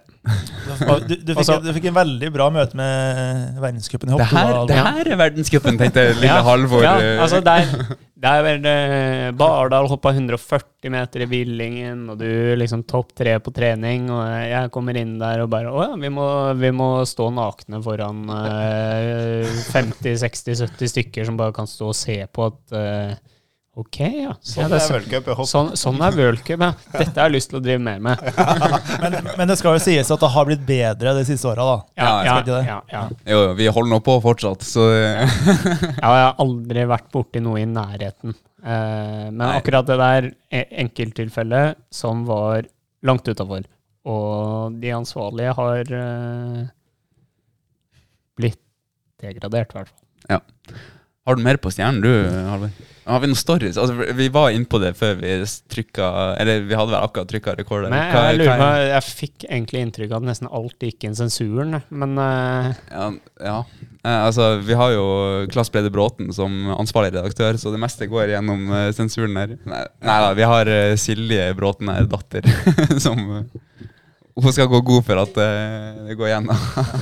Klas har jo vært så heldig at han har vært med på de fleste av måte, turene og storasene her, så ja. ja. Ha- ha- han er tjent med at alt går i At alt går i sensuren, ja. Ja, ja. Nei, ja, for det Altså, vi hadde jo en runde her Altså, jeg bare spurte løst rundt eh, et eller annet uh, måltid her. uh, om vi har noe på stjernen vi skal ha han i podkasten. Og altså, vanligvis når jeg spør, så er det sånn uh, Skal vi se Men stjernen, da, alle har jo fire, fem, seks stories som man ønsker å øh, få opp og fram i lyset. Selv Sunndal hadde jo øh, hørt via via her, og hadde veldig lyst til at det her skulle Altså Men altså, jeg har jo vært med på en periode vi hadde det jævla gøy. Ja, ja. Og det, det er så nydelig. Ja, det- det, det er ikke sånn, Vi kan jo ikke få drive og si alt vi har. eh, Alt det morsomme. Nei, for det var det vi konkluderte med når vi gikk gjennom her. Ok, skal vi se Ja, den storyen er jævla funny, men eh, det går ikke. Det egner seg ikke. Det, nei, den her Ja, ja, ja selvfølgelig. Fy åh, nei. Nei, nei, nei, nei, nei. Nei, det går ikke. Så det er flaks at vi liksom tenker to ganger før vi ja. Nei, men altså Har du noe du som egner seg her, Halvor? Har du noen stjerner som her? Nei, noen spesielle stories. Men eh, jeg husker jo eh, Halvor har på en måte vært kanskje eh, En av de storiesene der er vel eh, sikkert i Sakopane en av de, mine siste år, der eh, Halvor hadde Halvor hadde vært litt uheldig på en del kontroller på, på toppen, Ja. med skrittkontroll. Ja. Der han har fått både disk og advarsler, og disk pga. måten han går på, og litt for lavt skritt. Og så. Ja, her sitter vi på, på Stek Sjalupa, da. Ja, så sitter på kvelden vi på søndag etter uh, siste rennet der, og så eh, Ja, det var utøvere og litt støttespillere og eh, hele laget. Og så, så blir det vel snakk om det der. Og så jeg var vel akkurat sånn at jeg hoppa ganske nært etter Halvor hele den perioden der. Ja, Du, du hadde observert Jeg hadde observert Halvor gjennom eh, flere helger. og Altså, det- det gikk. Ja, altså det, det var vel den vinteren vi hadde en bet på hvem som skulle bli best i verdenscupen sammenlagt. Og det var ganske jevnt. Ja, det var ganske jevnt. Men jeg, jeg synes jo det var, så for min del så var det jo veldig både humor og eh, lønnsomt da, å følge med på den der, eh, inngangen din til en skrittkontroll på toppen. Ja, for, det, for regelen er at man skal liksom være natural eller Ja, men jeg vet ikke, neutral. Nei, du skal i hvert fall ikke ta på dressen. Nei, det eneste du ikke skal ikke ta på dressen, om det var skrevet så mye andre regler den perioden der, det vet ikke jeg. Men Halvor fant uh, hvis vi, Silly Walks og John Cleese og gjengen der fra gammelt av, det er ikke i nærheten av de gang, gangmetodene uh, Halvor fant på på vei ned til skrittkontrollen. Og det der fikk vel deg veldig trang for å vise Ja, for du syns det her var så stor humor, da. det synes jeg var stor, det, her- det er sikkert det eneste jeg som egentlig har sett det der, Ja. på, på, på nært hold. Så det her skulle du vise og på til Stek resten av Chalupa, en veldig, veldig bra restaurant i Sagopane, Der fikk vi da tilbudt snaps, Snaps, eh, ja. etter middagen, som jeg syns var veldig god.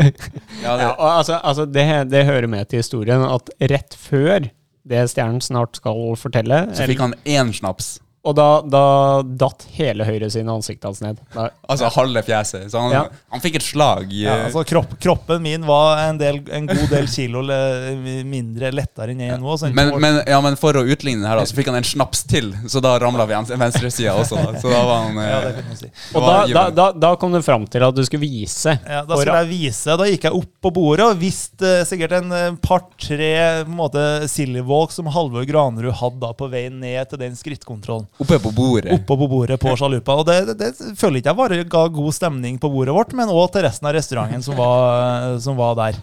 Fantastisk kveld. Så det er jo en del sånne stories. Jeg har kanskje blitt litt midtpunkt på noen sånne middager der jeg, der jeg er blitt litt uh, glad. Jeg husker også eh, Jeg husker også en annen story. Det var også i Polen, eh, som Høver fortalte. da Når du og Høver var vel blitt igjen på hotellet når vi skulle oppe Det var sikkert en lagkonkurranse, eller om dere ikke kvala, det husker jeg ikke. Dere skulle ned på, ned på eh, massasjen. Og eh, Andreas bare bretta klærne sine pent. Altså det, det er veldig fint, eh, fint lokale. Men, altså det, de er profesjonelle som bare Kjempe, kjempegod massasje. Andreas bretta klærne sine fint, og så la han en 10-euroseddel oppå klærne sine, bare i tilfelle. bare sånn hvis det skulle lykkes. Der kom eh, damene i hvite frakker og skulle massere oss, da. Ja, nei, om, eh, hvor du har tatt den historien her ifra, det, det er jeg mer usikker på, uh, Forfang. Nei, du får ta det med Joakim.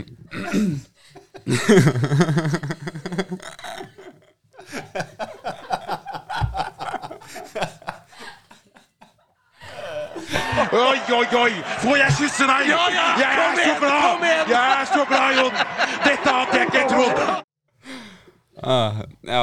Uh, vi skal videre til Twitter-spalten, eh, folkens. Uh, har dere oppdatert dere på Twitter? ikke i det siste. Vi kan jo ta en kjapp kikk innpå her. Eh, Du bruker ikke Twitter så mye, Bardal? Nei. Jeg, jeg, jeg tagga deg i posten, min. jeg jeg, at ja, ja. Jeg, husker, jeg husker ikke brukernavn og passord lenger. det. Så, så Anders Bardal eh, bruker navnet. Ja, det, ja ok. ja, nei, jeg, jeg tagga deg, og så posta jeg tweeten, og så eh, gikk jeg inn på profilen din og så, og siste tweeten din var i 2017, tror jeg. Ja. ja, ja. Det er ikke så lenge siden. Nei da. Nei da. Eh, Halvor, har du noe du har lyst til å starte med, du?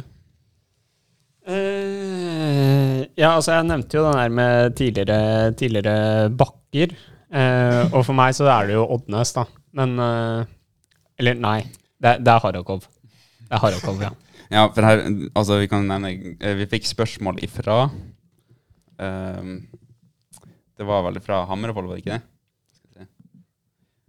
Nikolai Hammervoll eh, som eh, spurte da hvordan bakker vi kunne tenke oss å åpne Som, er, altså, som ikke er eh, åpen lenger, vel?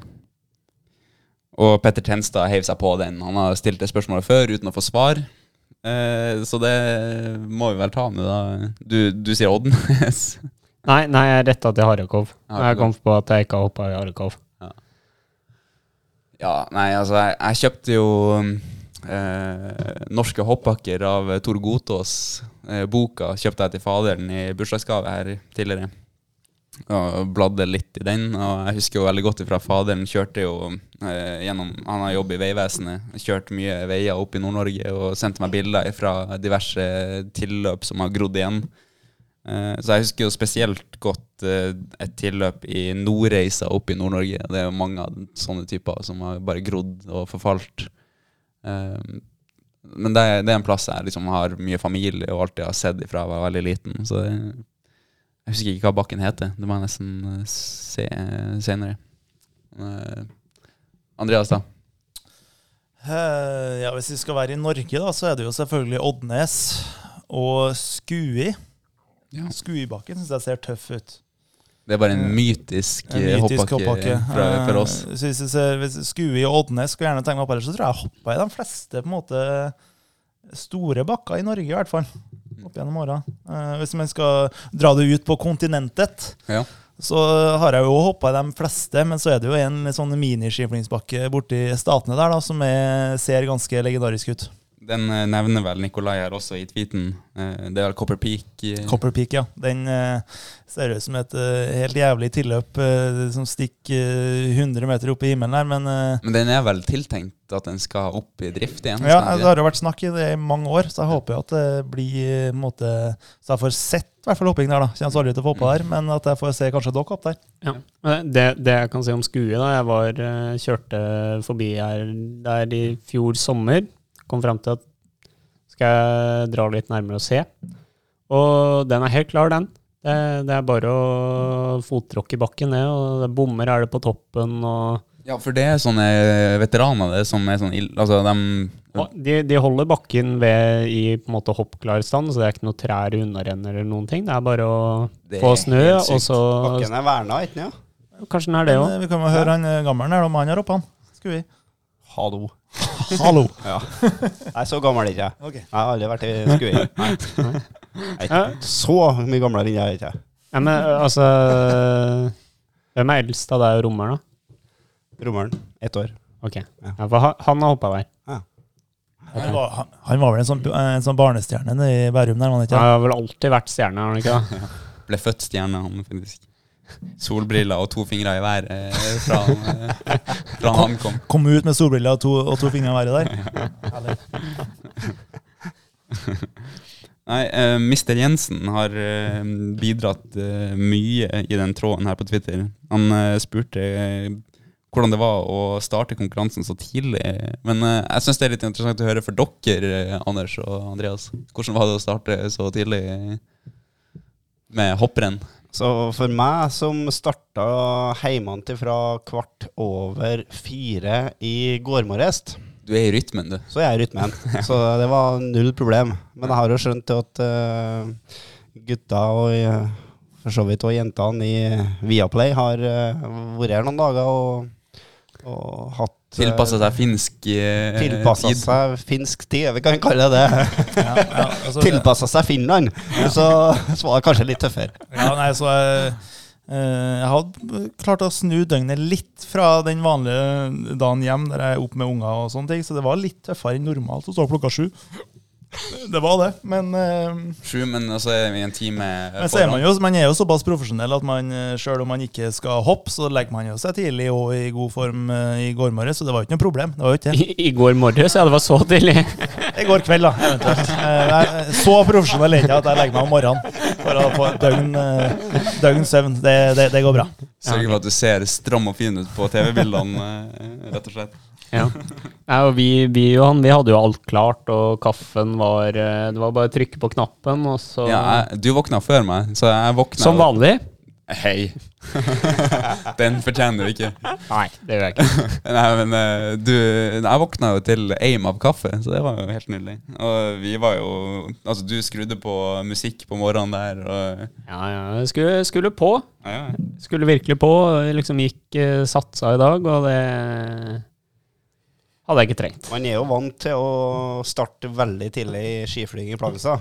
Ja, men da er det liksom siste helgen. Det Ja, er noe også- helt annet. Og så er det skiflyging. Eller? Og så er, det sol. og- Ja, det blir lyst. Ja, ja det er Eh, riktig. Jeg tenkte jo, jeg sa jo til, til Kasper i, i går at uh, fersken, nå er det første gang jeg er i Ruka og jeg enten skal hoppe eller kommentere når det faktisk er, er lys her. ja, ja. Da satte Ja, ja. jeg meg i bua i dag. Det var jaggu meg mørkt. Men det ble lyst, da. Det ble lyst. Så det, Det ble var, lyst. I, et, I et kvarter. eh, Ja. var. Nei, men altså, planen mitt er liksom Det er litt lengre tilløp òg. Altså ca. 20 km i timen høyere fart i Planica, så du har litt bedre tid å våkne på i tilløpet, liksom. Ja, det er riktig. Ja. Så det ja. Og så på tur opp til, til Plagenstad òg. På tur til toppen, og så Kjenner litt ned mer på det. til å Ja. litt. Ja, ja. Det, det er lettere å våkne da enn det det Ja. er her. Rett og slett. Men uh, jeg syns det var uh, en Jeg syns det var krevende, rett og slett. Jeg, altså. Stå? Eller hoppe Ja, ja, det var liksom Kjente liksom at det var, var ikke helt våken, liksom. Mm. Våken på ene sida. ja, Er så, det- må jo si det så jo ut som i kvaliken i hvert fall, at dere var våken. Ja, det er riktig. Ja. Ja, men i garderoben Jeg syns hele gjengen virka våken. Ja, men jeg, jeg merket liksom når folk begynte å dra Jeg, jeg tror jeg pika litt tidlig. Jeg pika på oppvarming, og så var jeg trøtt etter det. Uh, Så, du, du så jo trøtt ut i første gang. Da så du jo kanskje litt uh, overvåken ut, spør du meg, da. Men ja, eh, det er sant, men da hadde jeg akkurat sett Lanesex sitt bakkerekordhopp, så jeg visste at hå, her er det muligheter. Og prøvde lykken. Jo, men det Artig lurt. skal for det. Du, du prøvde. Jeg har lyst til å ta et fra eh, Sebastian her. Han eh, bidrar som vanlig i podkasten. Men altså, jeg tenker vi tar den eh, eh, Altså, han har for vane fra han gikk på skole, og at de kalte hverandre for stjerner på fotballbanen. Eh, hvis at folk var gode i fotball, da, ikke sant. Eh, har Andreas eh, alltid blitt kalt for stjerna? Eh, og har Halvor og Anders Nei. Er Al Halvor og Anders glad i juletregran? Jeg tror han skrev den ganske sent i går kveld. Ja, ja, altså han, han, han sendte jo både spørsmål og snap. og jeg skjønner ikke helt siste delen, men har du alltid blitt kalt uh, stjerna, eller har det av og til vært folk som har blitt litt finere på det og kalt det stjernen? Nei, jeg var jo òg en jævla god fotballspiller i mine yngre dager, så jeg ble Ja, jo kalt uten Sjøl om ikke jeg het Stjernen, så ble det jo Stjerna da òg. Oi. Altså, det, det, han, han, Nei, han, altså- det eneste han mangler, er ydmykhet. Ja, altså, og videre. Det ble vel kanskje kalt stjerna av enkelte på Sånn som uh, Tom kalte meg stjerna, tenker jeg. Jeg, jeg, Jeg jeg, har aldri, aldri Din hørt største det. fan. Aldri Nei. hørt det. Nei, du har ikke du, Hva var du kalt meg, da? fuckface. Junior? Junior, ja. ja, men du, du, du kjente meg litt for godt, så det, men eh, Nei, eh, av og til har jeg blitt kalt stjerna. Det blir ikke hver, hver dag, nei. Kasper spør eh, hele panelet eh, hvem som er best i bordtennis, inkludert Stjern Bardal. Og der ser jeg for meg, fordi Stjern, du er jo brukbar i, i bordtennis.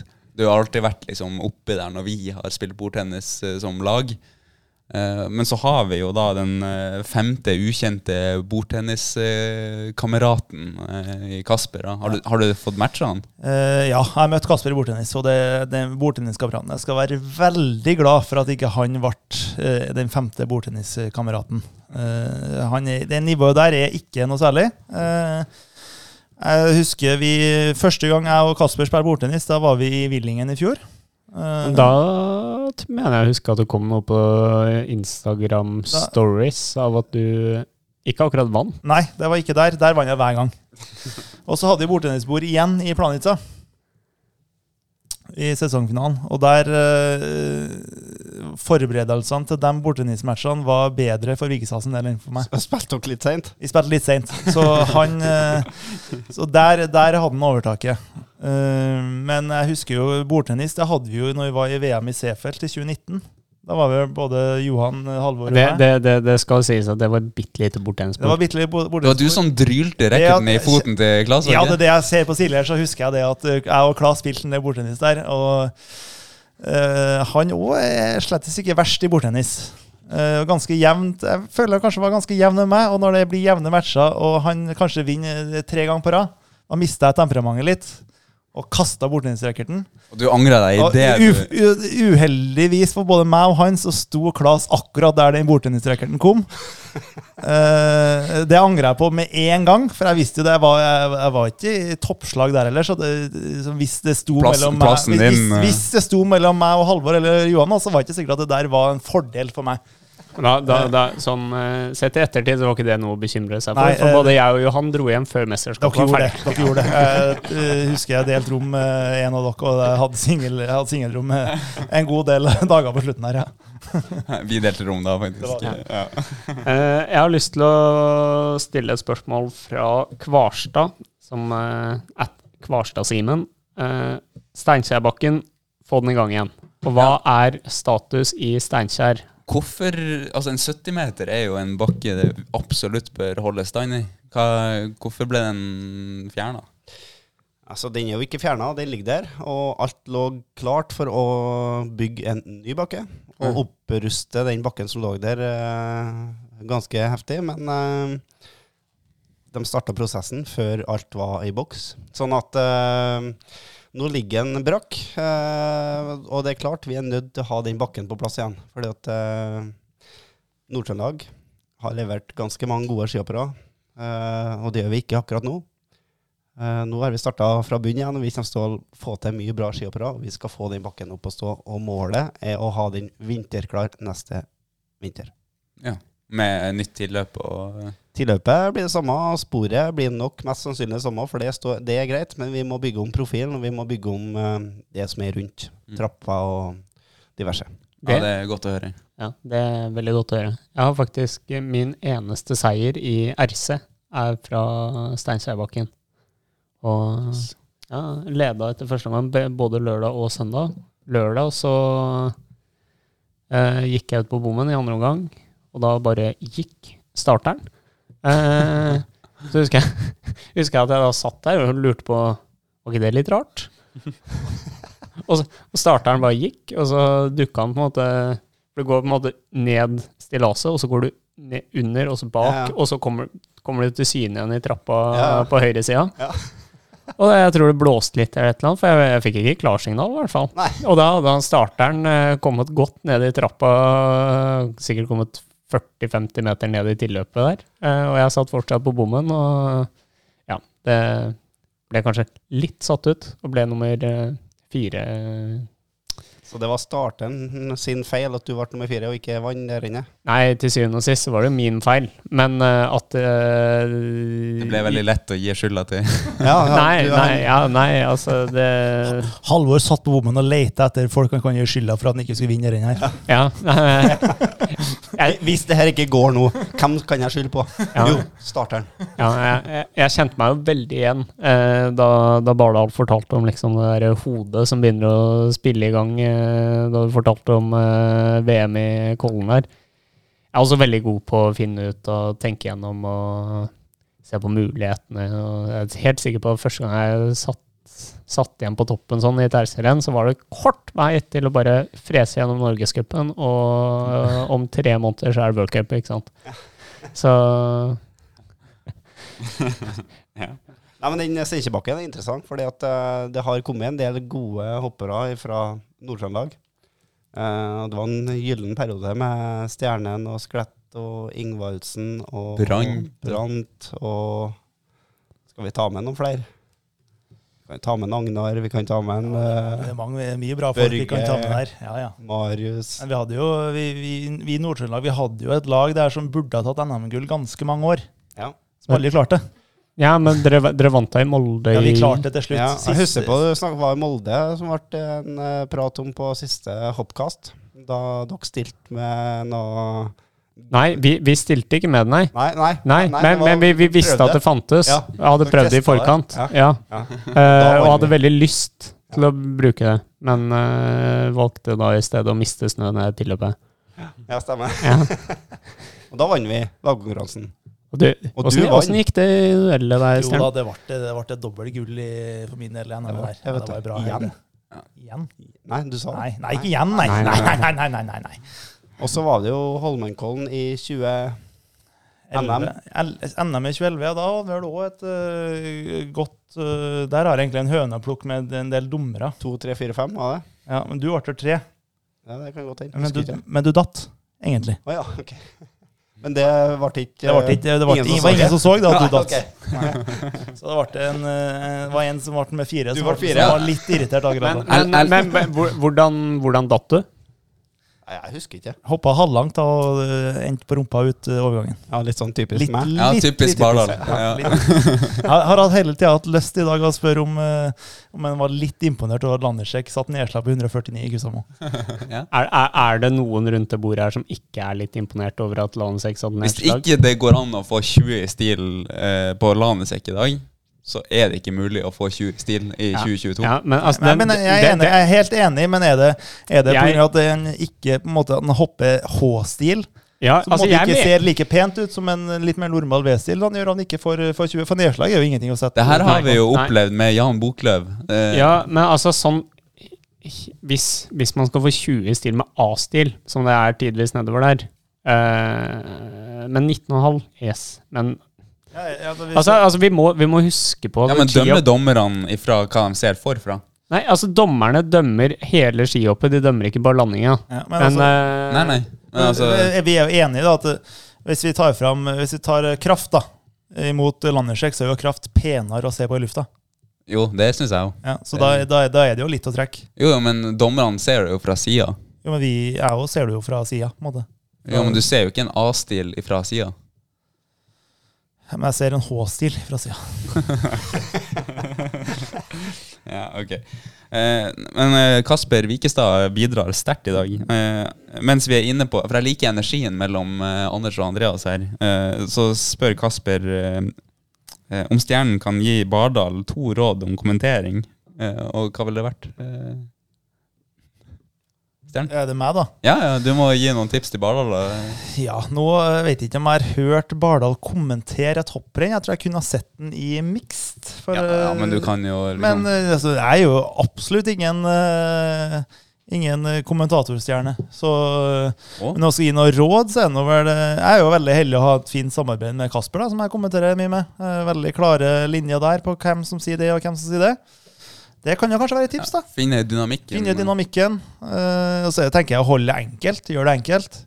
De flesteparten av dem som ser på hopping, er jo um, vet ganske mye mindre om skihopping enn oss. Så hvis vi begynner med all den uh, måte, tekniske egenskapen, egenskapene som vi kan, så kan det være veldig få som skjønner, tror jeg. Eh, Det er jo tanken min òg. Altså, Holde det bredt og ikke snevre det Jeg- unødvendig mye inn. snakk ikke eh, til dere to Mm. som er, som er skihoppere.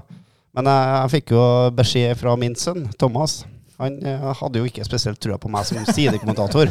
Han mente jo at jeg passa mye bedre å stå på flata og prate med dere. Så eh, men litt sånn det, dårlig på sletta er du veldig god. Eh, Jeg har ikke hørt deg kommentere, men du er veldig god på sletta. Men det her husker jeg veldig godt ifra Det var ei hoppuke der jeg sa til pappa at Bardal han, han sitter altfor høyt med rumpa. Og, så hadde han, eh, altså pappa da, som satt i hoppkomiteen, sendt melding til Klas og bare Ja, Johan sier at uh, Bardal sitter altfor høyt med rumpa. Det ble gjort, en, det ble gjort endring på det da til neste ja, ikke sant? Ikke sant? Han hadde jo en tendens til det, han Bardal, at han kunne bli litt høy med rumpa innimellom. Ja. Lat som at det ikke satt langt fram. Men eh, jeg bare eh, lyst til å få fram her, for nå har jeg funnet fram eh, dommeranalysen fra dagens renn, som da er hva dommerne har trukket på i de forskjellige tre fasene av skihopp, som da er flight, landing og utkjøring. Og Lanisek har fått av samtlige dommere et halvt poeng trekk på flight, og så er det tre dommere som trekker et halvt poeng på landing. Eh, Og det halvpoenget på land, landinga er vel det som kan diskuteres. Ja, det halvpoenget på landingen. Det kan diskuteres. Jeg syns det er helt greit å trekke et halvpoeng på flight. For det, det, det er eh, variasjon i V-stil nedover og Ja, det, det er veldig altså, sant. Altså, det, det, det, er, det er et halvpoeng å trekke på, på flight. Du klarer sikkert å finne halvpoenget i landinga og, og utkjøring, men eh, Jeg finner- eller- helheten bør jo Jeg tror du klarer å finne det, men du klarer Ja. å argumentere for det. Altså, fordi altså, Du kan alltid si at At du en- klarer å argumentere for. Ja. Ja. Mm. Altså, En arm er den vinkelen, Yes. og andre arm er den vinkelen. Men altså Det er 149 meter med nedslag fortsatt. Yes. Ja, ja, ja. Ja. Men at, at, at det er en uh, særdeles god kandidat for årets hopp i sesongen 22-23, det er det ingen tvil om. Det bør jo FIS absolutt uh, gjøre. Gjøre en Ja. kåring på årets hopp. Ja. Men jeg forventer at dere, mål, dere, liksom. fort, at dere klarer faktisk å overgå den eh, utover. eh, Ja, Vi må jo prøve på det, da. Ja, det. Ha, ha, har du noen hopp som overgår det hoppet der i løpet av din karriere, Andreas Jern? Uh, Han vant et renn med krøka knær. i Kollen. Det var det ingen av dem tror jeg som har kommet til å bli trukket fram som årets hopp det året heller. Men, men jeg var jo svært nær en verdensrekord den gangen. da. Så det, det var i hvert fall uh, rennets hopp, kanskje. Ja, Da ga jeg deg huden full i pausen der, Ja, faktisk. det er kanskje eneste gangen du har vært amper mot meg. Ja, men altså, det var jo ikke altså, det, Først så hadde du ett hopp hvor du hoppa 2,48,5. Det var vel kanskje der han hadde muligheten. På Ja, og, og liksom bare gadd ikke helt. Og så neste opp så hopper du 2,49, og det bare subber fra 2,25, og så bare ikke altså, Ja, det- Hvorfor satt du ikke på nedslag? Det så så lett ut. Ja, det burde jeg absolutt ha gjort det, men det er jo bare å si ifra hvis dere har lyst til å vite hvordan det er å hoppe så langt. Oi. Så det- oi, oi, oi. Skal, skal vi ta en runde på det? Jeg, jeg- litt apropos den her. Jeg prøvde å, prøvde å hoppe med Kenneth Gangnes 2,48,5 på, på bindinga mi i Vikersund til eh, VM på treninga der i vinter. Gravert i bindinga, altså. Gravert i bindinga. Uh, det Så, så, så vel ikke jeg noe mer i det VM-et? Nope. Ja, ehm, noe mer fra Twitter? Eller begynner vi å runde av? Vi kan ta en fra Brede her. Hvem som er den beste hoppeksperten? Nei, altså hvis, eh, hvis eh, du anser meg som din trener nummer tre, så er vel jeg den som trener utøver på høyest nivå. Uh, nå fulgte ikke helt med. Hva sa du nå, Halvor? Nei, altså at han er beste eksperten her, egentlig. Jeg Argumenterte for seg sjøl. Ok, ja. Ja, nei, er jo dere to som er de beste hopperne her, så det er per nå i hvert fall. Eh, Jeg har jo ikke vært i nærheten av dere, men, eh, Men jeg tipper jo, men jeg tipper jo egentlig det Brede mener, er hvem som formidler eh, hopp eh, best. Altså hvem er beste hoppekspert. Eh. For, foreløpig tenker jeg det er Andreas Stjernen. Han har begynt å ha god eh, erfaring, vært i flere sesonger i stolen. Eh, og så har jeg en tendens til å bli mm, Jeg bruker å bli ganske god i det jeg vil bli god i.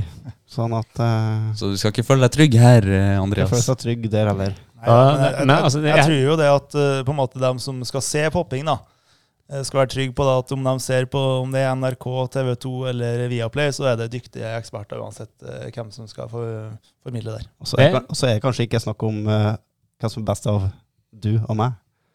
Det er vel en par stykker til her som er Ja, det er akkurat det. Som Som, har, de rollene som har mye godt. mer erf erfaring enn det vi har. i Ja. fall. Ja. Ja, men det, det skal faktisk sies uh, at uh, Jeg snakket faktisk om eh, ekspertene i, i Norge senest med Når jeg spiste lunsj med Siga Jelar i dag, faktisk. Eh, at eh, at eh, vi i Norge har fryktelig gode eksperter. Og ble veldig imponert da jeg nevnte hvem det er som jobber i norsk media som hoppeksperter. da. Og- Ja, at vi har liksom Vi plukker fra øverste hylle av hopperne som ja. er ferdige, på en måte. Så altså, jeg, jeg syns eh, vi som driver med det, og altså for oss er det jo et privilegium at dere har lyst til å bruke tiden deres på å eh, jobbe for hoppsportens beste. da. Formidle oss. Ja. Og jeg syns gjennomgående at det er veldig mye bra. Eh, jeg syns det er spennende å diskutere med dere. Og det er jo bare sånn, den hoppkasten her, da, hvor vi har hatt dere med, så føler jeg at jeg har jo i hovedsak bare vært en lytter av hoppkasten og hørt på deres eh, kunnskap og måte formidlingsevne og ja. Jeg, jeg syns vi er heldige, rett og slett. Ja, det er jo bra. Og så tenker jeg, om, jeg vet ikke om det er en eh, svakhet eller en styrke, da, men eh, at Hopp-Norge måtte ha vært flink der. At de eh, som måtte ha gått ut av landslag og har prestert uh, veldig mye bra, de blir jo på en måte igjen i miljøet, enten som eksperter eller i trener i hopp eller kombinert. Det er jo veldig sånn som Bjørn Einar, som har vært i Skiforbundet mange år i marked. Har Tom Hilde, som er i kombinert nå, og på utstyrssida så har vi jo mange som er i media. Så det, om det at vi eh, som har lagt opp, ikke kan noen ting annet, eller at vi liker oss såpass godt i miljøet, da, det, De det vet man ikke. mot det. Ja, men det Altså, men det er, jo, det er jo et helt rått miljø. Altså, hoppsporten, og spesielt det norske laget, det er jo et så inkluderende miljø. Altså, det er jo, for meg som har vært borte en periode, jeg var tilbake en liten tur i fjor, tilbake i år, altså, jeg føler at jeg er en del av dere bare etter å ha møtt dere en par ganger. Altså, det, er, det er så inkluderende og så, så enkelt å, å komme i kontakt med dere. Ja, Det er fint. Veldig hyggelig tanke å avslutte på. Jeg tenker vi Nei, forresten. Vi må jo nevne den store elefanten i rommet, Halvor. Som vi ikke har toucha innpå i dag. Det, hvordan gikk det i dag, eh? Det, det gikk jo Altså, plasseringa di eh, ble jo ganske god ut ifra at hoppinga di ikke var helt Men derifra og ut, hva som skjedde?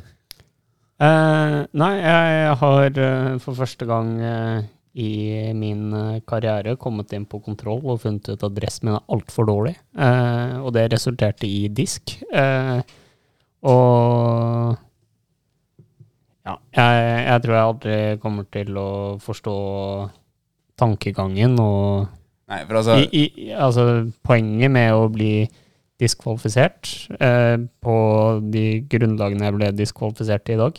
Eh, Fordi vi, det er veldig vanlig at vi måler luft, og luft er jo sikkert sånn tålelig viktig, i hvert fall. Det er da luftgjennomstrømning på det materialet vi har på oss. Altså at det må blåse en viss mengde liter i minuttet. Ja, minutter eller sekunder. Ja. Uh, dette Ja, det er jo rett og slett for at vi ikke skal kunne hoppe med seil. Uh, og dressen min blåste gjennom ganske mye mer enn hva den kan foran. Og så blåste den gjennom veldig mye mer enn hva den kan bak. Eh, og det som da ble resultatet, var at eh, det var for mye forskjell i hva den blåste gjennom foran og bak.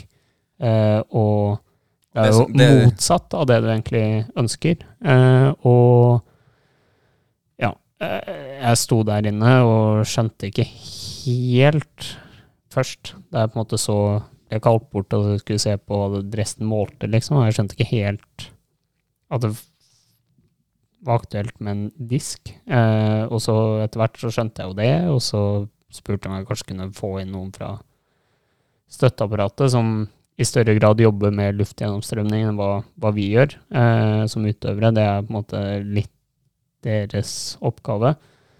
Eh, og så ja. Det Det, som, det, mest- som er absurd der, er jo at uh, grunnen til at man i det hele tatt diskvalifiserer folk, er jo for å unngå at folk har uh, altså ureglementerte uh, fortrinn. Og det man kan spørre seg her i dag, er jo hva var konkurransefortrinnet da til Halvor?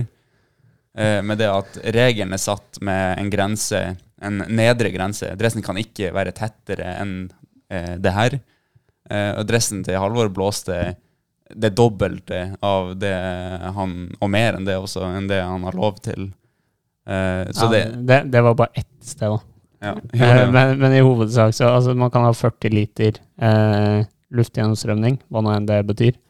Og dressen min hadde fra 50 Ja, ca. 50 til 70 stort sett. Og så var det et sted det var sånn 90 eller noe sånt, som er mindre enn en ullgenser, visstnok. Så ja. Eh, jeg har eh, reklamert på dressen, og så blir det en annen farge på dressen i morgen.